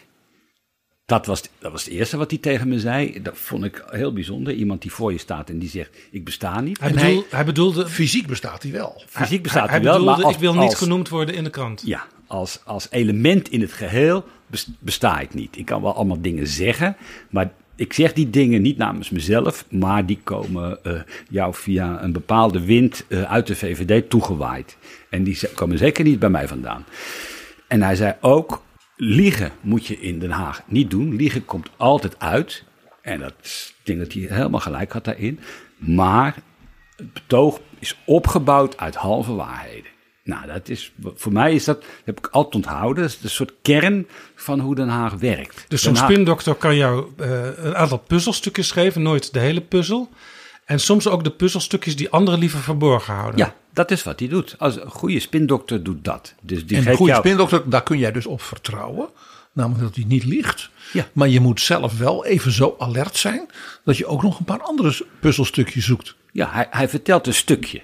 Hij, hij- en, en En dat is zijn stukje. Dat is zijn stukje, een stukje wat in zijn belang is, wat in het belang van zijn partij is. En de andere stukjes, daar moet je dan naar op zoek. Die liggen weer ergens anders. Ja, en het spinnen eh, houdt ook in dat je dan soms ook de tegenstander in een wat slechter daglicht stelt. In ieder geval, jouw partij komt er altijd beter uit. zeker. Jouw partij valt verder weinig op aan te merken. Maar er zijn andere partijen eh, waar het echt rommelt en niet deugt. En of daar waar ze je- niet goed genoeg En nadenken. daar moet je maar eens op bezoek gaan en hen kritisch Ja. gaan bevragen. Ja. Zodat je dat bij ons minder doet. Ja, dus bijvoorbeeld, hè, dat eh, wat is ook- een klassiek voorbeeld. Als Rutte eh, over iemand zegt: Nee, met hem heb ik daar helemaal niet over gesproken. Dan kan hij wel een enorme eh, WhatsApp-conversatie hebben gehad. Dus hij liegt dan niet, maar hij vertelt de helft van wat er gebeurd is. En de andere helft, dus eigenlijk het interessante deel, dat hoor je dan niet op dat moment. Zo, zo werkt Den Haag. En da- daar kan ik niet eh, eh, aan ontlenen dat, dat mijn positie in de politieke journalistiek zou moeten zijn dat ik politici vertrouw. Ja. En dat we Ja, samenwerken. het Nee. lastige is natuurlijk als je een verslaggeverscolumn schrijft. Ja. Voor een verslaggeverscolumn heb je dus eigenlijk niks aan zo'n spindokter. Want je, je mag dat niet in beeld brengen. Nee, maar je kan wel weer leuk over spindokters schrijven natuurlijk. Dat heb ik ook wel eens gedaan. Dus, Maar je was blij dat Kruidhof jou niet verbood om in die elektrische auto van mevrouw Koerhuis te rijden. Eh, Nee, nee, nee, nee, nee, zeker niet. Nee. Nee, nee, hij was toen al lang weg, maar Kees Berghuis heeft het mij ook niet verboden. Die zat er helemaal niet tussen. Dat was het bijzondere. Bijna altijd zit er, zit er iemand van woordvoering tussen. Bij coalitiepartijen, hè, bij oppositie veel minder, veel minder. Totdat wereld- ze Hè, coalitie dat is een wereld van verschil, hè? Ja. Dat kun jij Ja. beamen. Ja, er zijn bij, bij, bij coalitiepartijen die dus inderdaad heel erg van rol veranderen als ze eenmaal in de coalitie zitten. Zijn er vaak wel een aantal, en dat zijn er maar drie of vier of vijf. eh, hangt ook een beetje af hoe groot zo'n partij is. Ja. Die eigenlijk zonder toestemming van eh, de spindokter ook naar een talkshow mogen. Ik heb voor Paul Witteman gewerkt. Ja. Eh, want ze weten, die doet het zo dat wij er als partij nooit schade van lijden. Sterker nog, die zorgt dat wij goed in beeld komen, scherp in beeld komen. En dat als er iemand schade heeft, dan is het altijd een andere partij. Ja, precies. Ja. Dus die hebben een soort onafhankelijke status gekregen, eh, wa- waardoor ze dat mogen doen, ja. Maar je Maar zag het, onafhankelijke status is meer een beschermde status. beschermde status, ja. Omdat, omdat ze geen ongelukken maken. Dat er vertrouwen is. Ze houden de nul. Het- maar je zag, het, je zag het bij. Dat vond ik ook een van de interessante dingen die ik heb meegemaakt. Die CDA-fractie van Buma, 12 tot 17. Nou ja, dat eh, PG, dat weet je. In de eh, oppositie zouden toen volgens, volgens Rutte hadden ze een verantwoordelijkheidsvakantie. Ja, maar dat was een hele interessante fractie. Eh, ik noem het in het boek ook een, vrolijke fractie. Da, da- de stemming zat er altijd goed in daar. Mensen praten erop los. Je kon bij iedereen binnenlopen. Ze vonden dat leuk en je hoorde een hoop. En zo gauw als er sprake van was dat ze in een kabinet konden komen, 2017, gingen alle deuren dicht. Maar al die Kamerleden, die had ik inmiddels best wel goed leren kennen. Ik vond CDA altijd een interessante partij. Waar je zomaar binnen kon lopen. Eh, ja, wilt u wel graag eerst even een afspraak met voorlichting maken? Was het dan ineens, als, u, als je met die en die wilde spreken? Totaal anders. En het, en het omgekeerde zag je bij de PvdA gebeuren. PvdA, de, de Samson-fractie, was een, een nare, vond ik dan, hè, in, in, in, zeg maar, in sociaal opzicht nare, ehm, ongemakkelijke fractie waar iedereen als de dood was om iets te zeggen. Een, een, een slot met opgetrokken. Ja. ja.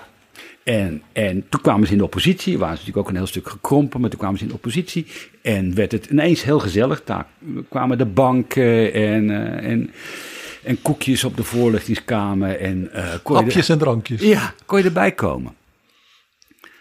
Nou ja, dat zijn allemaal, maar daar zie je aan van dat, dat vertrouwen waar, waar Jan Tromp dan over spreekt, dat is totaal eh, aan de omstandigheden gebonden. Er waren op een bepaald moment ook spindokters. eh, Die gingen, eh, eh, als ze spraken met journalisten, ook zeggen... Ik weet even niet meer het precieze citaat, maar het kwam op neer... It's no use crying over spilled milk. Ja, En dat kwam dan soms in de krant. ja, ja. ja. Dat was toch Jack de Vries? Jack de Vries. Ja, dus het was een uitspraak van Jack de Vries, eh, die hij blijkbaar vaak gebruikte. Je moet niet wrijven in een vlek. Die had hij van Lubbers. Ah ja. Eh, maar hij deed altijd alsof hij die- van zichzelf had. Maar dat was er ook zo'n vast ding. Nou ja, die uitspraken van Jack de Vries gingen andere spindokters dan gebruiken als ze wilden lekken. Zodat, die werden dan overgenomen door journalisten. En die dachten dan, hé, hey, dat is Jack de Vries. Want die zegt altijd, het is no use. Dus de hekel aan. Jack, de, aan Jack de Vries op het Binnenhof... die groeide enorm in die periode. Die, die zal daardoor Het was, gegroeid zijn. het was en de het- beeldbevestigend van Ja. Jack het lek. En, en het idee dat hij overal achter zat en overal een vinger in de pap had, groeide daardoor ook. Terwijl het een handigheidje van andere spindokters was. We gebruiken zijn vaste uitdrukkingen en dan denken ze dat het van Jack de Vries komt. Nou, dat ja, het zijn van die codes. Ja, niet, vertrouw ze vooral niet, hè, de mensen daar.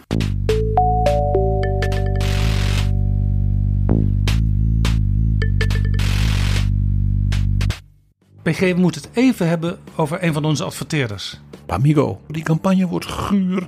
Het wordt echt herfst. Het wordt een beetje kil. De hele dag. Dus, PG, PG, heb je behoefte aan spullen van Bamigo. Want ze hebben nu ook een prachtige collectie truien. Pullovers, ronde hals, veehals, met een rits of een kool in allerlei kleuren. En je kunt dus ook als die campagne nou echt guur gaat worden, in de kleur van je partij, met zo'n pullover van Bamigo, wel voor de dag komen. Groen, rood, wit, blauw, bruin, paars. eh, allerlei vormen van grijs zelfs. Ga kijken bij Bamigo, juist nu. En als de campagne wat verhit raakt, dan kun je natuurlijk ook altijd nog gewoon zo'n fijne polo aantrekken of zo'n t-shirt. Je bent voor elke fase van de campagne bij Bamigo helemaal thuis. Die truien zijn gemaakt van wol met bamboe, zijdezacht en in een goede pasvorm. En ze ademen, dus je behoudt altijd een fris gevoel. En duurzaam. De manier waarop het met bamboe wordt gemaakt is duurzaam. En dat hoort natuurlijk ook bij deze campagne. En als je nou denkt, hé, hey, dat is iets voor mij, zo'n uh, bamboe trui of een van al die andere dingen die Bamigo op de website bamigo.com aanbiedt, dan kun je ze met korting aanschaffen als vriend van betrouwbare bronnen. Ga naar die website bamigo.com en gebruik de code betrouwbaar25. Dan krijg je 25% korting op wat je aanschaft. Dus bamigo.com Betrouwbaar 25.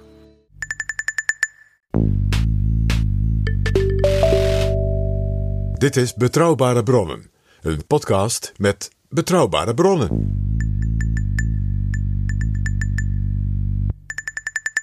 En we praten verder met Arjan Korteweg, schrijver van het nieuwe boek Het Haagse Moeras over de binnenwereld van het Binnenhof. PG. In die wereld is ingeslopen een geweldige innerlijke tegenstelling, een dichotomie.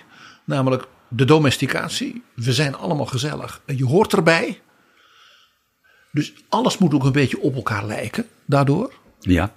Maar essentieel is dat je authentiek bent. Ja. Dat authenticiteit, Ja. als het ware, ja, noodzakelijk is, maar volledig op gespannen voet staat, natuurlijk met die domesticatie. Ja. Ja. Nou, dat, de authenticiteit is een heel ingewikkeld, nou, is een, een, een heel hoofdstuk aangeweid. Ehm, Daar kun je zelfs in getraind worden. Ik ga jou trainen om Ja. authentieker te je worden. kunt, je kunt cursussen volgen om jezelf te worden. Eh, dat is natuurlijk een gruwelijke par- paradox uiteindelijk. Wat als je nou niemand bent? Ja, nou, dan kun je, nou, kun je premier worden, hè? om het nou maar even eh, gemeen te zeggen. En nu heb je het over. Ja, nu heb ik, dan heb ik het over Rutte. Rutte is, de kwaliteit van Rutte, die kun je invullen. En, en dat doet hij zelf ook. Dus zijn kwaliteit is dat hij geen vaste standpunten heeft, totaal wendbaar is, plooibaar is en, eh, en dus ook nergens zo makkelijk aan blijft haken. Maar het gekke is, je zei net, alles moet van tevoren doorgesproken worden met de afdeling voorlichting. Ja, Eh, De spindokter moet toestemming geven. En tegelijkertijd krijgen ze een cursus om zo authentiek mogelijk te zijn. Ja, ja.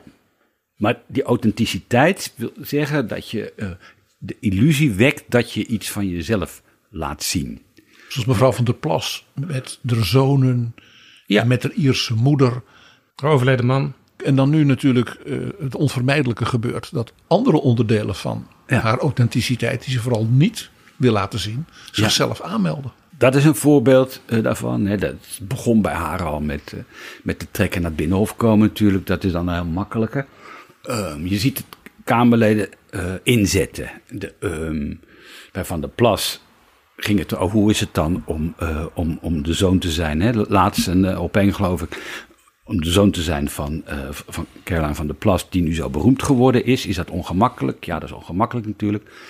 Aan de andere kant, dat staat ook in het boek, zijn eh, eh, alle Kamerleden hun kinderen, hun familie gaan inzetten door de jaren heen. Dat was vroeger niet. Eh, Nee, vroeger was het zelfs zo dat je niet eens thuis op de foto wilde. Nee. Je, je hebt dat ene filmpje van, van, van de, de eh, campagnefilmpje van het CDA, Buma, thuis, toen hij nog een voorburger of Een hele het. huiselijke man bleek dat zijn. Huiselijke man, hij was boterhammetjes aan het smeren en er was een koelkast met briefjes erop. En, het, en daarna stapte hij op de racefiets, geloof ik. Het zag er allemaal heel cozy uit. Maar daar was niemand in te bekennen. Dus er was de suggestie van een gezin, maar dat gezin, dat zag je verder helemaal niet. Buma houdt eigenlijk altijd ook zijn kinderen, heeft hij altijd wel buiten beeld gehouden. Dat is heel klassiek. Dat is klassiek. En die maar kinderen wel, zijn hem daar ook dankbaar voor, denk ik. Dat denk ik ook. Voor het CDA wel belangrijk. Die nadruk dat er wel echt een gezin was. Dat moest natuurlijk tegelijkertijd ook wel gebeuren. Nou ja, dat moest van de spindokters. Ik denk niet dat het van Buma zelf moest. Nee, maar dat- van- van- voor de beeldvorming was het denk ik wel wat de CDA-leiding graag zag. Van wek de suggestie. Vergeet vooral niet dat je een gezin hebt. Want Ja, dat, dat, dat neemt bij het CDA elke nieuwe Jack de Vries weer mee. Ja, dat doen ze allemaal. Dat, dat, dat zie je. En bij andere partijen soms ook. Hugo de Jonge heeft dat eh, ook, ook in grote mate gedaan met, zijn- met, met, zijn, met zijn dochter. Die heeft zijn kinderen er echt. te- te- kunt je afvragen hoe verstandig het allemaal was. Maar die heeft zijn kinderen er niet buiten gehouden. Nou, dat heb je met Samson gezien. Hè, dat is een beroemd voorbeeld. Je hebt het later. Nou, dat leidde zelfs tot een scheiding. Ja. Hij, hij begon er zelf over en uiteindelijk bleek het toch te wringen. Ja, ja precies. Maar ja, de piano van Baudet en de poezen van Wilders horen daar ook bij. Dat is dus een soort eh, een, een pover aftreksel hè, van, van, van, van het echte, van een echt gezinsleven. Goed, Er wordt ook om gevraagd hè, door eh, sommige verslaggevers die met de draaiende camera eh, de meest persoonlijke dingen aan politici vragen tegenwoordig. Ja, maar het is een wisselwerking. Er wordt, er wordt heel vaak gezegd, nou ja, maar de media, die willen dat graag en die stappen daarop in. En eh, ook het privéleven. Hè. Nederland heeft altijd heel lang een code gehad, anders dan alle landen om ons heen, van het privéleven van politici blijven uit de buurt. Dat had je. In Frankrijk is dat enorm groot, in Engeland is dat enorm groot, in Duitsland heb je de Bild. ehm, overal heb je eh, media die daar heel erg op inzoomen. In Nederland On- onze lijn, zeg maar, van het eh, journalistieke gilde was... Zolang zo. het niet politiek relevant is, Ja, schrijven wij er niet over. nee. Dus, dus daardoor heeft Rutte altijd een, een ideale positie gehad van een heel benaderbare premier. Die hè, eh, houdt van, eh, van het bad in de menigte. Dat kan hij enorm goed. Daar is hij enorm groot talent heeft hij daarvoor om zich tussen de mensen te begeven en die mensen een goed gevoel te bezorgen. Dat is echt iets wat heel knap En kan. tegelijkertijd is Rutte iemand van wie we eigenlijk Ja. niks weten. Dat creëert een suggestie van nabijheid, van aanraakbaarheid. Tegelijkertijd eh, is hij erin geslaagd om ervoor te zorgen dat we in, in, in, in al die jaren dat hij aan de macht is, vanaf eh, 2010, niks van hem af te weten. Dus hij is erin geslaagd. positie. Dus hij is erin geslaagd in die uiterst kwetsbare dichotomie Ja, tussen in het, hè, in het wereldje zitten, Ja. bij elkaar horen. Ja. We zijn allemaal een beetje hetzelfde. En authentiek, om daar een oplossing voor te vinden. ja dat, heeft, hij- dat heeft hij enorm eh, knap gedaan. Dat zijn is er echt- anderen waarvan van, je zegt van, die, die, die heeft dat talent ook? Kijk, je, je ziet voor- bij zijn opvolger Jessel Gus, die loopt altijd heel erg. En haar Joodse man is een heel belangrijk element in haar biografie. En, en de honden.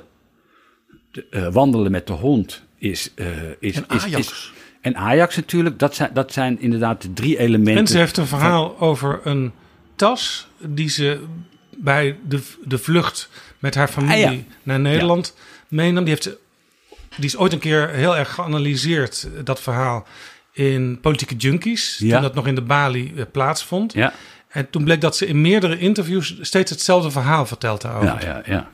Ja, datzelfde verhaal, dat is natuurlijk, hè, dat- dat, is natuurlijk wat ze allemaal doen. Hè. Dus het, het, zijn wat dat betreft re- reproductiemachines, de, de politici. Als je een verhaal hebt wat je eindeloos kunt repeteren. Ik heb iets heel, heel persoonlijks meegenomen. Nee, dat is, dat is echt zo. Dit is een Louis Vuitton tas. Ja, dat zie ik. Maar dit, heeft, ehm, dit is het enige ding wat ik heb in mijn huis wat van, echt van waarde is, emotionele waarde voor mij. En dit is wat ehm, mijn moeder mee had toen wij eh, gingen vluchten. Eh, die had ze van haar moeder gekregen, mijn oma, Ja. Sarah, mijn tattoo. En, en mijn oma overleed vlak daarna. Dus alles wat wij hadden, waar we mee gingen vluchten, zat in deze tas. En was een vlucht vanuit? Eh, vanuit Turkije richting eh, Griekenland, dus vanuit Bodrum naar Kos, in zo'n gammel bootje met, een, met één Louis Vuitton tas. Eh, en mijn moeder met twee kleine kinderen en dan vanuit Griekenland uiteindelijk naar de, in Amersfoort beland. Ja. Hoe oud was je toen? Acht.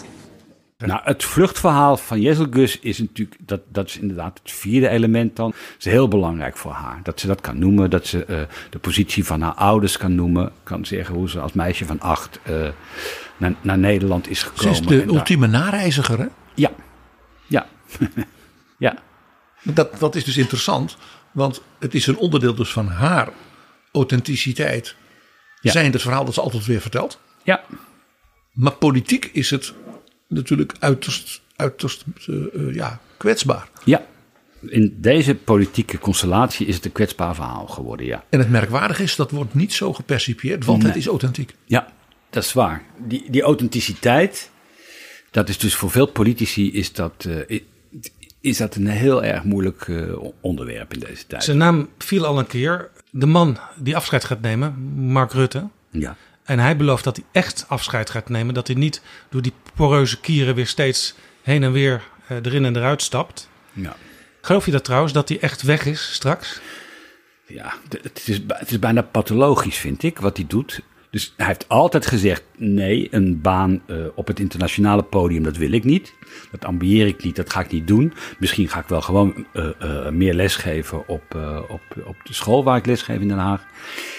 En hij heeft laatst in een interview, ik geloof in de Telegraaf, de deur nou, meer dan op een kier gezet dat ook een internationale carrière heel goed denkbaar is. Ja, ehm, het houdt een keertje op wat je, wat je kan geloven en eh, wat je niet kan geloven. Ja, want hij is ook een politieke junk. Dat zal hij zelf niet ontkennen. Hij Zeker. houdt van dat vak. Hij houdt van het Binnenhof. Ja. Hij kent elke stoeptegel, kent hij er. Ja. Eh, hij kent ook iedereen in het restaurant. Elke ober kent hij persoonlijk. Ja. Eh, eh, dus het lijkt eigenlijk alsof hij, als zou hij het willen, hij kan geen afscheid nemen. Nee. En hij is, en hij is een politieke monnik, hè? dus hij, hij is ascetisch. Hij heeft no- nooit, voor zover wij weten, nooit misbruik gemaakt van zijn positie. Hij declareert helemaal niks. Dus hij is nooit eh, te pakken op, op, op, op wat voor overtreding van regels dan ook. Ehm, en hij is, denk ik, geknipt voor een neutrale bestuurlijke functie ergens eh, eh, bij de VN of bij de NAVO. Of, Neutraal, of omdat hij, zich, eh, omdat hij heeft laten zien dat hij zich makkelijk aanpast aan zijn omgeving. Ja, nou en omdat zijn standpunten inwisselbaar zijn. Dus hij, hij, is, hij, is, hij is diplomatiek. Hij, hij kan alles. Hij is eigenlijk een diplo- diplomaat in de politiek, zou je kunnen zeggen. Hij kan elk belang wat op zijn bordje wordt geschoven, kan die verdedigen. Toch schrijf je in je boek dat het politieke systeem, de Mores, in die 13 jaar dat hij minister-president is, en hij loopt natuurlijk al wat langer rond, Ja. ook naar hem toe is gaan staan. Ja, want, want iedereen is zich op die manier gaan gedragen. Dat is natuurlijk ellendig. Dus een iedereen- rutificatie. Wat zeg je? Er is dus sprake van een soort rutificatie van het Ah, Binnenhof. die is heel, in een hele grote mate binnen zijn eigen partij, maar ook daarbuiten. Ik kan me nog herinneren, eh, GroenLinks, die op een gegeven moment zeiden van, eh, nou, wij, wij, wij willen stoppen met al die moties eh, voor, de, voor de tribune en zo. En dan gaan we, nou, daar zijn ze inmiddels alweer helemaal weg vanaf. met Ze de scorebord. Geen scorebordpolitiek, eh, dat willen we niet meer. Dat is eigenlijk ook rutificatie. We, eh, we gaan met z'n allen proberen om, om Nederland nog beter te maken. Iedereen is, is naar zijn manier van handelen gaan staan. Wat Tot- is dat precies? Hoe, hoe handel je als Rutte? Ehm, dus je, je, je, je, je benadrukt de overeenkomsten. Ehm, je, je, je zorgt dat je er zelf geen al te scherpe meningen op nahoudt. Je zorgt voor een zekere uitwisselbaarheid van standpunten. Depolitiseren. Ramen, ja, depolitiseren. En je Ont, kunt- en je kunt dus ook heel makkelijk, zoals Rutte een aantal keren heeft gedaan, in de laatste twee weken voor de verkiezingen ineens heel erg uithalen naar allerlei tegenstanders. Vooral naar één tegenstander. Ja. En vervolgens met diezelfde tegenstander heel gezellig gaan regeren. Ja, ja. Je niet bekommeren om, om oorzaken van dingen. Dat nou ook een van de dingen die ik noem, wat, mij heel erg dwars zat. Van als er, er waren rellen na corona eh, in, in 2021 eh, in Den Haag en in Rotterdam. En vrij hevige rellen ook. Sociologen gaan op zoek naar verklaringen daarvan. En Rutte zegt, het zal me een zorg zijn, die verklaringen. Iedereen moet zich aan de wet houden. Waar het vandaan komt, of dat komt uit uitzichtloosheid of armoede... of wat voor achterstellingen eh, dan ook. Interesseert me niet, eh, eh, druk het de kop in. Terwijl een socioloog het idee heeft, misschien kunnen we er iets van leren als we het onderzoeken. Elke politicus moet dat idee hebben. Dat, zit, dat beperkt zich niet tot de sociologie. Elke politicus heeft als, als dwingende opdracht om uit te zoeken waarom de dingen zijn zoals ze zijn. Waarom gebeurt wat er gebeurt. Als je dat niet meer wil weten, zit je in het verkeerde vak. Die rutificatie, dat vind ik een, een hele interessante observatie in uw boek. Want ik heb ze te piekeren. Dat is de historicus natuurlijk in mij, dus vergeef me. Ja. We hebben geen kokkificatie gehad, ook geen JPB-ificatie, maar wel onder Lubbers. Ja, Dus eigenlijk Ja. is hij de eerste premier die die rol vervult sinds Ruud Lubbers? Uh, ja, waarschijnlijk, waarschijnlijk is, dat, is dat zo. Ja. Ik, ik heb niet meer helemaal helder in welke mate dat onder Lubbers gebeurde, moet ik zeggen. Hoor. Van, uh, Lubbers was denk ik het begin van een ontwikkeling die met Rutte aan het eind komt. Dat Lubbers was natuurlijk ook in, in zekere zin toch voor een groot deel technocraat. Ja. Rutte ook. Ja, en bij Lubbers zat er wel veel meer een ideologische, een, een christendemocratische component ja, Lubbers in. zou nooit zeggen, visie is iets waarvoor je naar de oogarts moet. Nee, van, van uh, uh, Niek-Jan van Kesteren, de, de, de, de CDA-senator, voormalig directeur van VNO-NCW, die heeft gezegd, ja, ze komen allebei een beetje dezelfde uh, omstandigheden tegen. Ze hebben veel problemen. Het, het verschil is dat Rutte ze van zich afschudt en dat Lubbers ermee uh, naar bed gaat en ermee wakker wordt en eronder leed. En dat is denk ik een hele goede observatie. Uh, als je die, want die twee zijn tot op zekere hoogte wel vergelijkbaar. Dus met Lubbers is er heel veel begonnen. Dat hele marktdenken heeft onder Lubbers in Nederland een hoge vlucht. Ja, daarna onder Paars doorgezet. Doorgezet onder Paars. En nu is die cyclus, dat was een van de redenen eigenlijk ook voor dit boek. Die cyclus die komt nu aan zijn eind. Ja, ja Rutte wilde, eigenlijk wilde Rutte nog wel de kroon erop zetten met het afschaffen van de dividendbelasting. Ja, ja.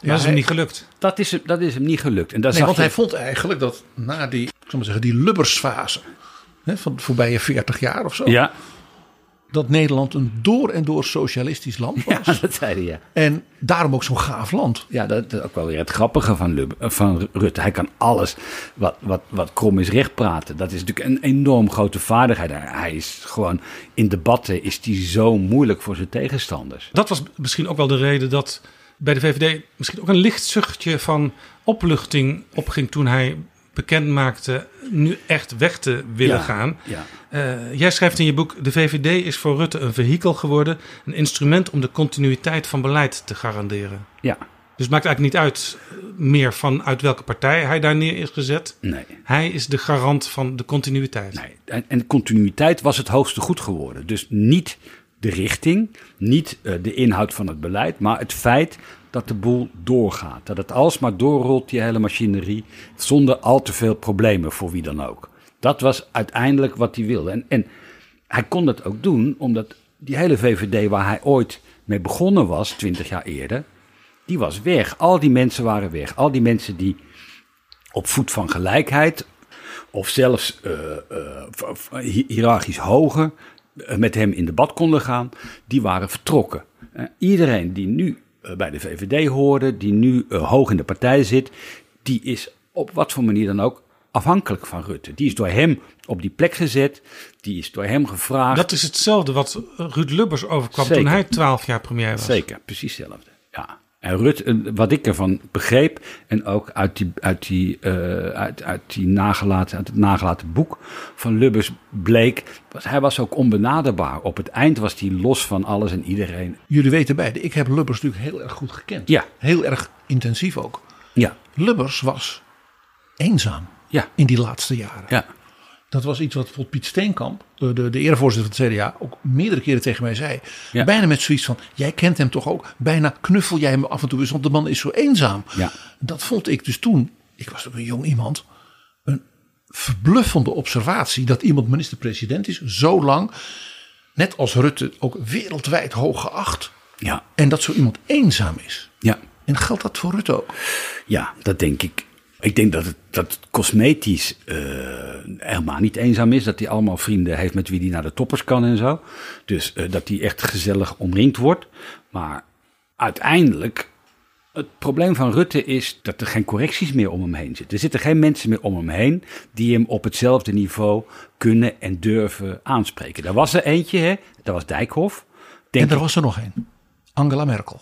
Het vertrek van Merkel, is mijn analyse, is een heel belangrijke factor Ja. geweest in dat Rutte een soort anker, zowel politiek als menselijk, als natuurlijk in dat internationale kwijt was. Ja, ja, ja. Ja. Nou, ik denk dat dat goed gezien is, ja. Wij hebben eh naar aanleiding van, de, van het fameuze 1 april debat een aflevering gemaakt onder de titel De eenzaamste man van het Binnenhof. En dat was eigenlijk de eerste keer, PG denk ik, dat voor ons duidelijk werd. Het einde is misschien met dit debat niet gekomen. Maar dat komt nu wel in zicht. Ja. Dit werd toen voor het eerst zichtbaar. Ja. Nou ja, zoiets staat ook in het boek. Hè. Ik, van, ik verplaats me op een gegeven moment in het hoofd van Rutte. Dat hij dat debat heeft gehad en wegloopt. En, eh, en denkt van, wat is me nou eigenlijk overkomen? Wat is, wat is het nou geweest, dit debat? Iedereen haat me. eh, eh, ze zijn helemaal vergeten wat voor moois en goeds ik allemaal gedaan heb. Ik krijg alleen maar kritiek. En, eh, en dan loopt hij in zijn eentje weg naar het, naar het torentje. Ja. Ja, en dat debat, daar zag je dus, de lichaamstaal in dat debat was er ook een van grote verbijstering en, eh, en vertwijfeling, van eenzaamheid. En daarna gebeurde overigens iets waaruit blijkt dat iedereen gerutificeerd was. Ja. Eh, eh, zelfs Sigrid Kaag en zelfs op Hoekstra, die relatief nieuw waren. Want Sigrid Kaag had gezegd, hier scheiden onze wegen. Ja. Eh, Hoekstra had zich daarbij aangesloten met steun voor een motie. En vervolgens gingen ze toch met Rutte regeren. Dat voorbeeld had Rutte natuurlijk ook al een paar keer gegeven. Ja. Als het totaal niet meer gaat, dan ga je toch daarna weer bij elkaar zitten. Ja. Nou ja, dat, dat 1 april debat, dat is denk ik inderdaad een, een keerpunt eh, in de Nederlandse politiek. Heel, heel belangrijk eh, oms- omslagmoment. Ook een moment waarop mensen die toch al twijfels hadden over...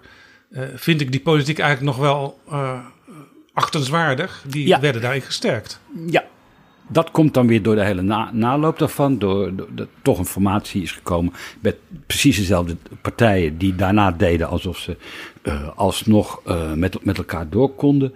En dat je nu de val van het kabinet hebt gehad en, eh, en Rutte opstapt, is wat mij betreft eigenlijk allemaal, allemaal een soort verwerking, een soort nasleep van 1 april 2021. Hadden ze toen moeten doen. Het scheelde niks als de ChristenUnie op die dag had gezegd: we gaan niet door in plaats van eh, drie dagen later, dan hadden die hele exercitie met Rutte 4 niet hoeven eh, doormaken. Ja, nou is het Dan lastig. waren we nu al een stap verder geweest. Het interessante is, dat is de ChristenUnie toen, en dat is een van de weinige keren geweest, op zo'n fundamenteel punt, niet met de SGP meeging. Ja, Want de SGP, nota bene, en dat was een ja, tamelijk uniek moment in de parlementaire geschiedenis, stemde voor Ja. Een motie van afkeuring tegen de premier. ja dat, was, dat van de staai eh, dat deed, dat was een soort Brutus moment, denk ik, voor, eh, voor, eh, voor Rutte. Dat hij door zijn, door zijn trouwste niet-coalitie-bondgenoot in de steek werd gelaten. Hè? De, de man die altijd maar weer als het parlementaire geweten van Nederland wordt gezien. Nou, de, ehm, En dat was voor de ChristenUnie ook een moment, want de ChristenUnie ging dus mee met de liberalen ja, en niet mee met de geestverwante reformatoren. Ja, ja dat, was een, dat was inderdaad echt een cruciaal iets. Ja. Af en toe hoor je in betrouwbare bronnen een advertentie, maar vaak ook niet. En dat is jammer, want we hebben graag meer adverteerders. Want ook daarmee houden we betrouwbare bronnen online. En je bereikt via betrouwbare bronnen een interessant publiek van mensen, ook een groot publiek van mensen. Heel veel jonge mensen. Met grote maatschappelijke politieke belangstelling. En natuurlijk, ja, ik zeg het een beetje eh ondeugend, ja. De decision makers van Nederland en in Brussel. Stuur een mailtje aan adverteren.dagenacht.nl en dan neemt de reclameafdeling van Betrouwbare Bronnen, ja ja, neemt dan contact met je op. Adverteren, apenstaart, dagenacht.nl En we praten met Arjen Korteweg naar aanleiding van zijn boek Het Haagse Moeras. Je schrijft in je boek, nu Rutte vertrekt, kan op het Binnenhof een draai worden gemaakt. Kan er iets veranderen aan die ingesleten cultuur? ja. Waarom is dat zo? Hangt dat van die toevallige ene Ik ben daar af? niet heel optimistisch over hè? eh, eh, in, in, in, in het boek. De draai die er wordt gemaakt is natuurlijk een, een, een personele draai. Die zit in de bezetting. Er gaat een hele nieuwe Kamer komen. Ik denk eh, 80, 80 nieuwe eh, Kamerleden of iets in die orde. Terwijl het, terwijl het twee jaar geleden ook al ingrijpend vernieuwd is. Dus het hele bestand wordt, eh, wordt ververst. Dus nul geheugen, nul, bestuurlijke ervaring. Ja, dat is allemaal, dat is allemaal, dat is allemaal heel erg lastig, ja. En zeker als, als, als het nog steeds kleine fracties blijven, is dat heel erg lastig. Uh, maar wat je gaat krijgen, en dat zal in het begin best interessant zijn, in ieder geval mensen die niet allemaal oud zeer hebben met elkaar. Rutte Kaag, daar kan niks moois meer uit, uh, uitkomen natuurlijk. Dat is uitgesloten. Dat soort erfenissen ben je straks even kwijt. Uh, dat, soort, dat soort krassen. Dus ze kunnen, ze kunnen tot op zekere hoogte nieuwe stappen zetten. Maar de hele de onderliggende structuur, Die verandert niet en die zit op heel veel plekken. Die zit in de ambtenarij, om maar wat te noemen, die ik ook in het boek behandel. Die zit in, in de uitvoeringsorganisaties, die ik ook behandel. In alle adviesorganisaties om het Binnenhof Dat heen. vergt bijna een speciale aflevering van Betrouwbare Bronnen. Ja, maar daar zit, daar zit heel veel van wat gestold is en wat een merkwaardige. Dat zit, oh ja, die was ik nog vergeten te noemen. In al die bijzondere commissarissen die worden genoemd. Want- een, een wezenskenmerk van, de, van hoe de politiek zich heeft ontwikkeld. is het afschuiven van, van verantwoordelijkheden. Ook het inhuren van iemand als Remkes, als het even niet Remkes is het, is het schoolvoorbeeld. Als het niet meer werkt, dan vraag je Remkes. En dan, dan kan je in ieder geval net doen alsof je aan een oplossing werkt. Ja, hij zit nog niet in Gaza, maar het scheelt niet veel. Nee, dat scheelt niet. Zou heel Nou ja, het, het was bij de afgelopen kabinetsformatie zelfs bijna zo dat de formatie op zichzelf eh, zo'n industrie leek te worden. Want als na een heel lange periode de ene informateur er niet uitkwam, dan ging de andere op een heel andere manier maar weer het hetzelfde proberen. Ja, dat afschuiven van verantwoordelijkheden en daardoor op de lange baan schuiven van oplossingen. Dus echt camoufleergedrag de hele tijd. Ja, daar zul je mee af moeten rekenen. Al die problemen waar Nederland nu mee kampt, die worden behandeld als incidenten. Dus er wordt net gedaan, jongen, jongens, ja, die vluchtelingencrisis. Nu het is overkomt ons ineens Ja, dat het- de het landbouw... eh, Het de- gebeurt kunnen allemaal niet zomaar. bouwen. Het, het is allemaal het gevolg van beleid van de afgelopen decennia. Ja. En ook dus incidenten zonder context, die je in als het ware in een doosje kan stoppen Ja. en eh, los van elkaar kan behandelen. Ja, en, dan- en, en dan formuleer je daar een. Je stelt ze een beetje uit. Je, doet een, een, een deeloplossing, maar dat zijn het altijd. En dan kun je weer een tijdje door. En, en, Tot het weer vastloopt. en, en dat, is, dat is het ding wat je moet oplossen. Als je wil zorgen dat het weer een beetje gaat marcheren Ja. daar, dan is dat wat je moet oplossen. Je geeft een tip aan de nieuwe minister-president. Die moet niet pas volgen als een meerderheid de bocht genomen heeft, maar zelf normen durven stellen. Nou ja, wij hebben in Nederland een, een, cultuur van, wat dat betreft, eigenlijk een onzichtbare eh, minister-president. Hoe zichtbaar hij eh, eh, naar buiten toe ook is. Hij komt niet tevoorschijn als er problemen zijn. Het is geen, ik zal maar zeggen, geen Macron. Eh, die, ja, goed, dat is een president, maar wel de politieke leider van het Nou ja, land. Rutte ziet misschien bij Macron dat die soms ook vuur aantrekt door zijn gedrag. Ja, maar ja, dat is je rol. Dan moet je maar geen politieke leider van een land willen worden. Dan trek je vuur aan en, en, en, en daarmee laat je het misschien op en dooft het ook eerder. En, en dat is eh, een taakopvatting die hij helemaal niet pakt. Hij blijft uit de buurt. Hij zorgt dat er altijd iemand zit tussen het probleem en hemzelf in. Die, eh, die, die de kogels voor hem vangt. En pas heel laat hè, eh, doet hij wat. Als Wilders minder, minder, minder zegt, dan kijkt hij eerst heel lang hoe de vlag erbij hangt in het land. En pas dan zegt hij van nou nee, dat, eh, dat, dat kan je toch niet doen. Hij geeft les elke week op een school waar dat probleem speelt natuurlijk. Daar zie je dus een, Kan ik niet bij. Kan ik niet bij. daar niet zie je dus een markant verschil met bijvoorbeeld... We hadden het even over Ruud Lubbers, die ook zo heel lang premier was. Ja, Die of het nou ging om eh, hè, Nederland is ziek. Die gewoon Ja. agendeerde van. We hebben die werkloosheid nu behoorlijk in de greep. Die economie gaat veel beter. Maar we hebben een belangrijk deel van die werkloosheid in feite verplaatst naar de WHO. ja. Dat wisten we ook allemaal. Dat was tijdelijk ook wel een oplossing voor een heleboel mensen. Maar dat kan niet zo blijven. Ja. Hetzelfde gold met, eh, ik zal maar zeggen, met de val van de muur en het nieuwe Europa. Dat gold met de kruisraketten en het bondgenootschap. Eh, de euthanasie is door hem ook nogal nadrukkelijk zelf eh, geagendeerd. Zelfs een beetje tegen delen van het CDA in. En de kruisraketten, hij ging er toch wel staan hè? Ja. Nee, ik bedoel, ik kan dus nu uit die twaalf jaar, Ja. ja. uit het eigen geheugen, ik geef het toe, zo moeiteloos een aantal. Ja. En het zijn hele grote thema's. Ook Ja. internationaal, zelfs eh, global thema's. En met heel veel controverse in, de, in, de- in het land. En Rutte die, die erkent pas dat Zwarte Piet een probleem kan zijn Ja. als de soep overkookt. Hij moet zeker weten dat de meerderheid van het volk dat ook vindt. Of dat hij daar ontvankelijk voor is. En pas dan wordt het een onderwerp voor hem. De eh, eh, achterstelling bij, bij sollicitaties, precies hetzelfde. Het zijn allemaal onderwerpen waarin hij voorop had kunnen lopen. Waarin hij had kunnen zeggen, daar moeten we echt wat aan doen jongens. Daar sta ik voor. Ja, als je zegt Nederland is een gaaf land of, of, of een, een kwetsbaar vaasje. Dan zul je zelf iets aan, eh, aan, aan dat vaasje moeten doen. En bij corona moest hij. Ja, bij corona moest hij en dan blijkt hij dat ook wel weer te kunnen. Dat is natuurlijk het is een wonderlijk type. Dus, was dat misschien eh, omdat corona zo terra incognita was dat hij wel moest handelen? Ja, Dat was iets wat nog nooit gebeurd was. Hij had nog nooit zo'n soort toespraak gehouden, hè? Die, die, die eh, toespraak uit het torentje. En uh, het volk was totaal in verwarring. Van... Hetzelfde geldt misschien voor MH17, waar die ook optrad. Ja. was ja. ook nog nooit gebeurd in, in, in Ja. zijn periode. Ja, dat klopt. Dus bij, bij, bij die dossiers, de- een paar keer heeft hij het gedaan. En blijkt hij dat te kunnen, want het is een hele Maar dat getalenteerde waren dus man. dingen, anders dan de dingen die ik net van Lubbers noemde, die hem, Nederland, de wereld overkwamen. Ja.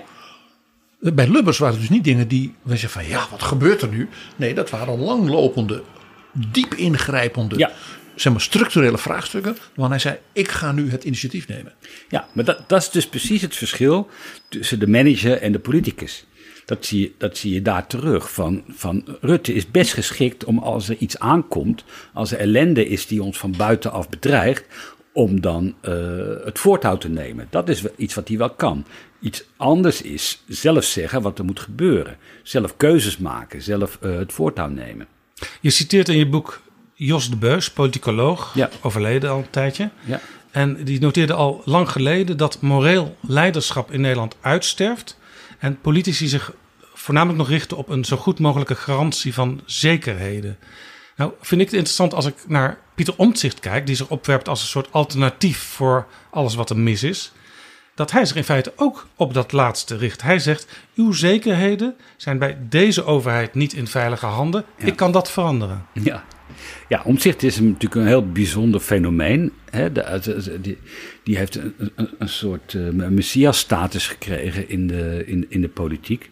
Waarvan we nog helemaal niet weten hoe, die, eh, hoe, hoe dat gaat aflopen. We hebben nog helemaal geen idee. Dus he- heel veel, ja, als je omzicht tot nu toe ziet, denk je van nou, dat moet prima samenwerken met PvdA GroenLinks worden. Want eh, die willen dat ook. Die willen ook eh, bestuurlijke verandering. Die willen ook meer transparantie voor een heel deeltje contact, overheid, eh, burgers. Ja, D66, die had die ideeën ja, vroeger ook al. ze elkaar kunnen vinden, D66 ook. Maar de werkelijkheid is dat daaronder natuurlijk nog een hele conservatieve agenda zal zitten, die we nog helemaal niet kennen. En ook een, als je kijkt naar eh, eh, het type mensen dat zich door hem aangetrokken voelt. Ja, maar wat Die is zijn- dat type?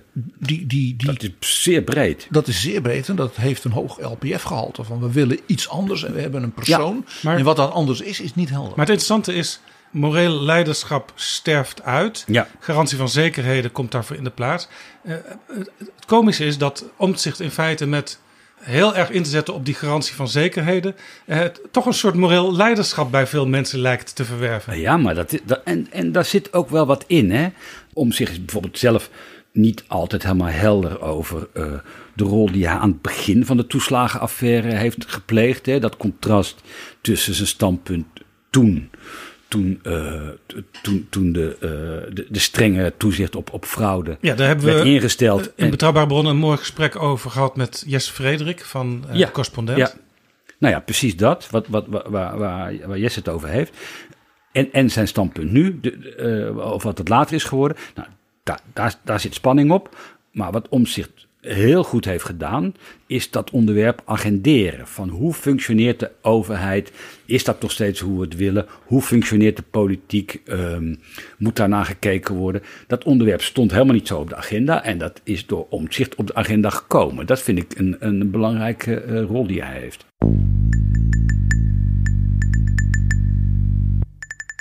We gaan naar het einde van dit gesprek. Nou, kom jij zelf ook met een aantal oplossingsideeën. Ja.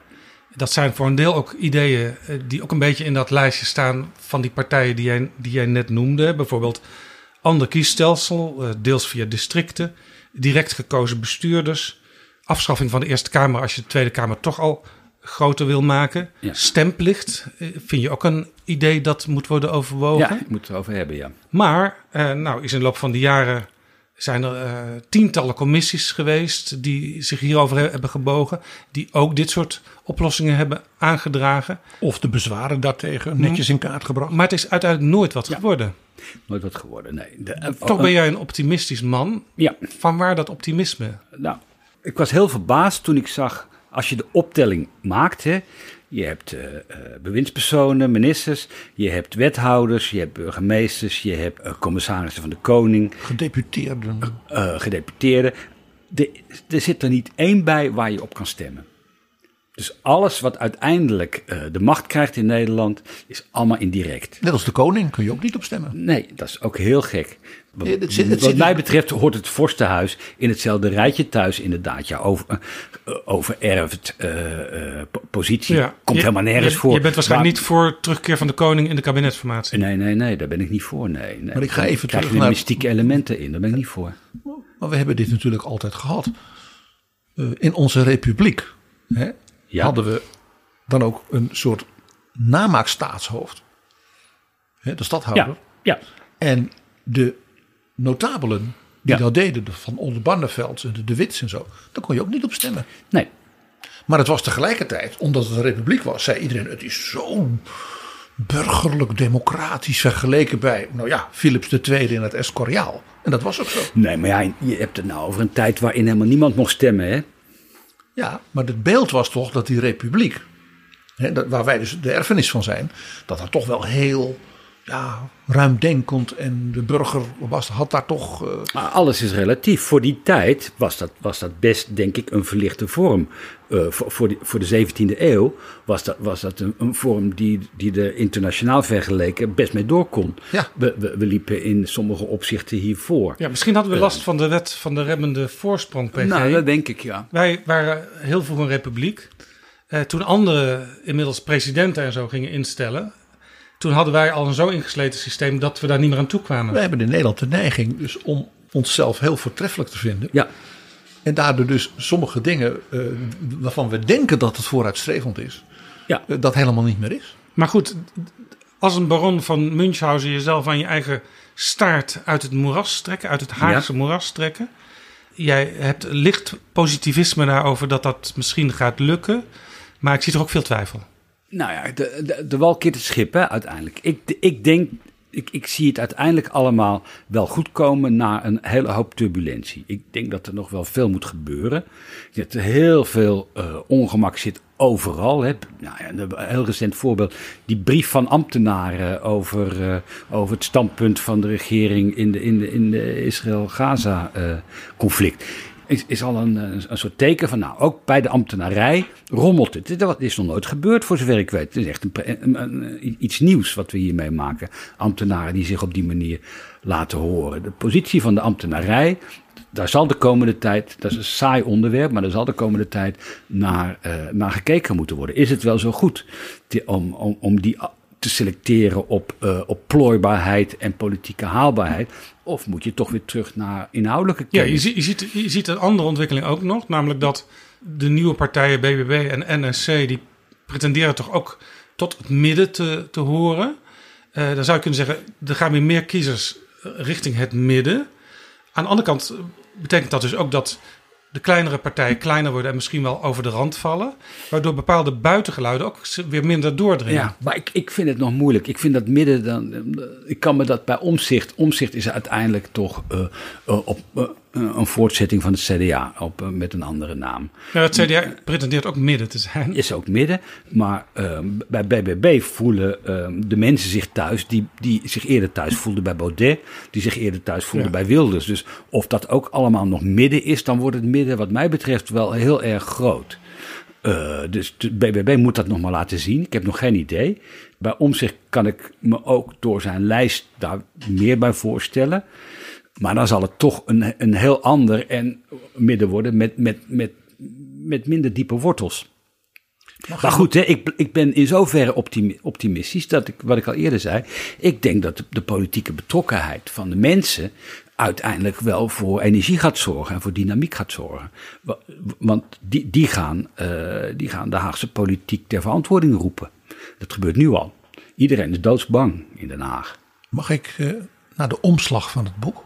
Ja, Het ligt hier voor mij. ja. En dat is zo boeiend. Ja, vind je het mooi? Ja, want, ja maar om heel andere redenen wellicht. Want Ja. wat is het nou? Weet je het? Het is een plattegrond Ja. van een bouwput. Want dit is niet het Haagse moeras, want dat is inmiddels verhuisd. Ja. Dat zit niet meer daar. Nee. Wat we hier zien is dus een opengebroken, verlaten, een opengereten complex Ja. uit de middeleeuwen. Ja. Dat noemen we het Binnenhof. En daar zit dat moeras niet meer. En ik ga naar bladzijde 261, 262 van het boek. Want wat schrijf je daarin? Dat je zegt van ja, een van de problemen van dat moeras is dat die politiek, in dit geval de Kamer, ook zijn eigen functioneren eigenlijk helemaal niet goed kan analyseren. Ook niet tot verbeterstappen van zichzelf kan komen.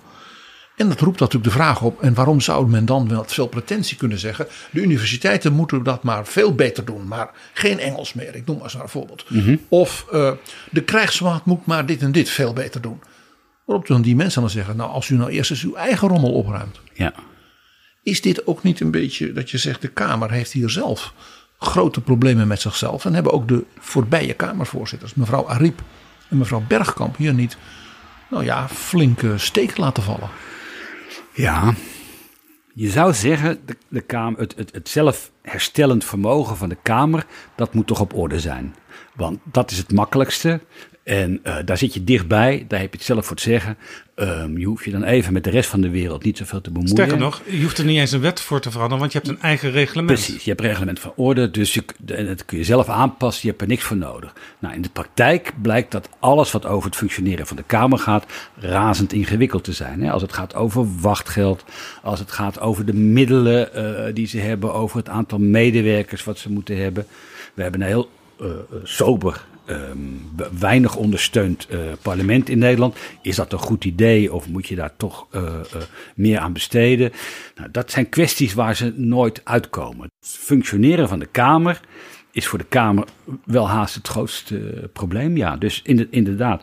Alles daarbuiten is abstracter, is verder weg en gemakkelijker om, mee, om, om iets over te zeggen, om iets van te vinden dan het eigen functioneren. Zelfs een ferm besluit over dat skelet wat op ja. de voorkant van je boek staat, het Binnenhof, ja. de renovatie.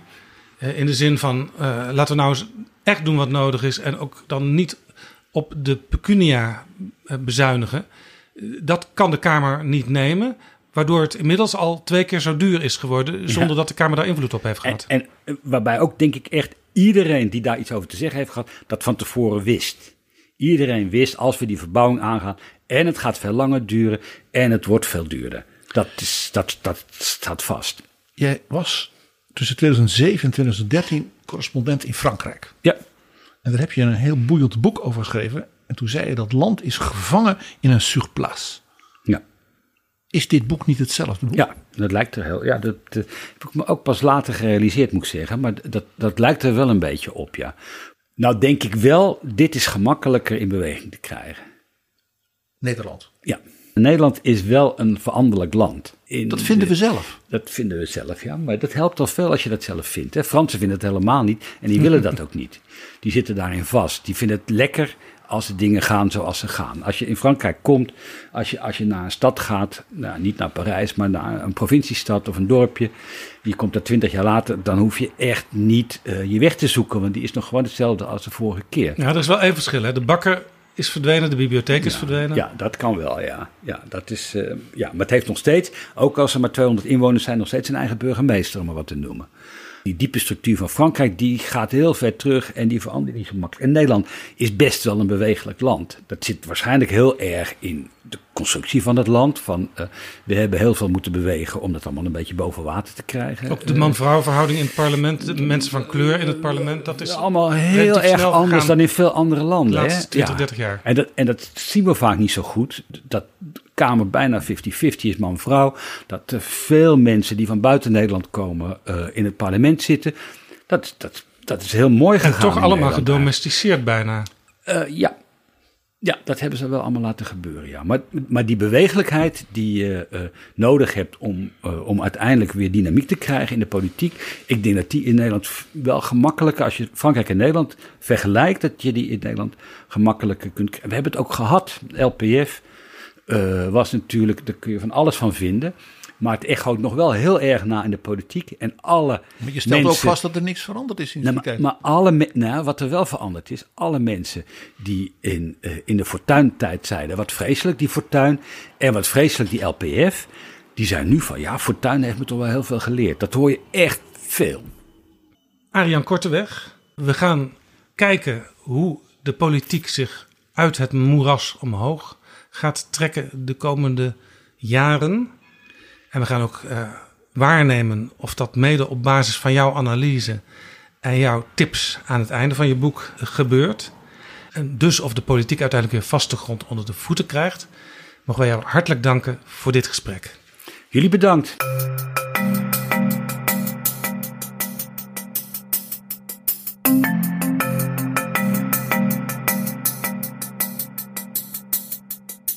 Zo, dit was Betrouwbare Bronnen, aflevering 376. Deze aflevering is mede mogelijk gemaakt door de vrienden van de show. En voor de vrienden stelt uitgeverij Atheneum, Polak en Van Gennep vijf exemplaren beschikbaar van het prachtige boek van Ariane. Dit is uw kans, luisteraars. Ben je vriend van de show, dan staat er een bericht voor je op de site waarin je leest hoe je kunt meedingen. En ben je nog geen vriend, ga dan naar vriendvandeshow.nl/slash bb. Tot volgende keer. Betrouwbare bronnen wordt gemaakt door Jaap Jansen in samenwerking met dag en nacht.nl.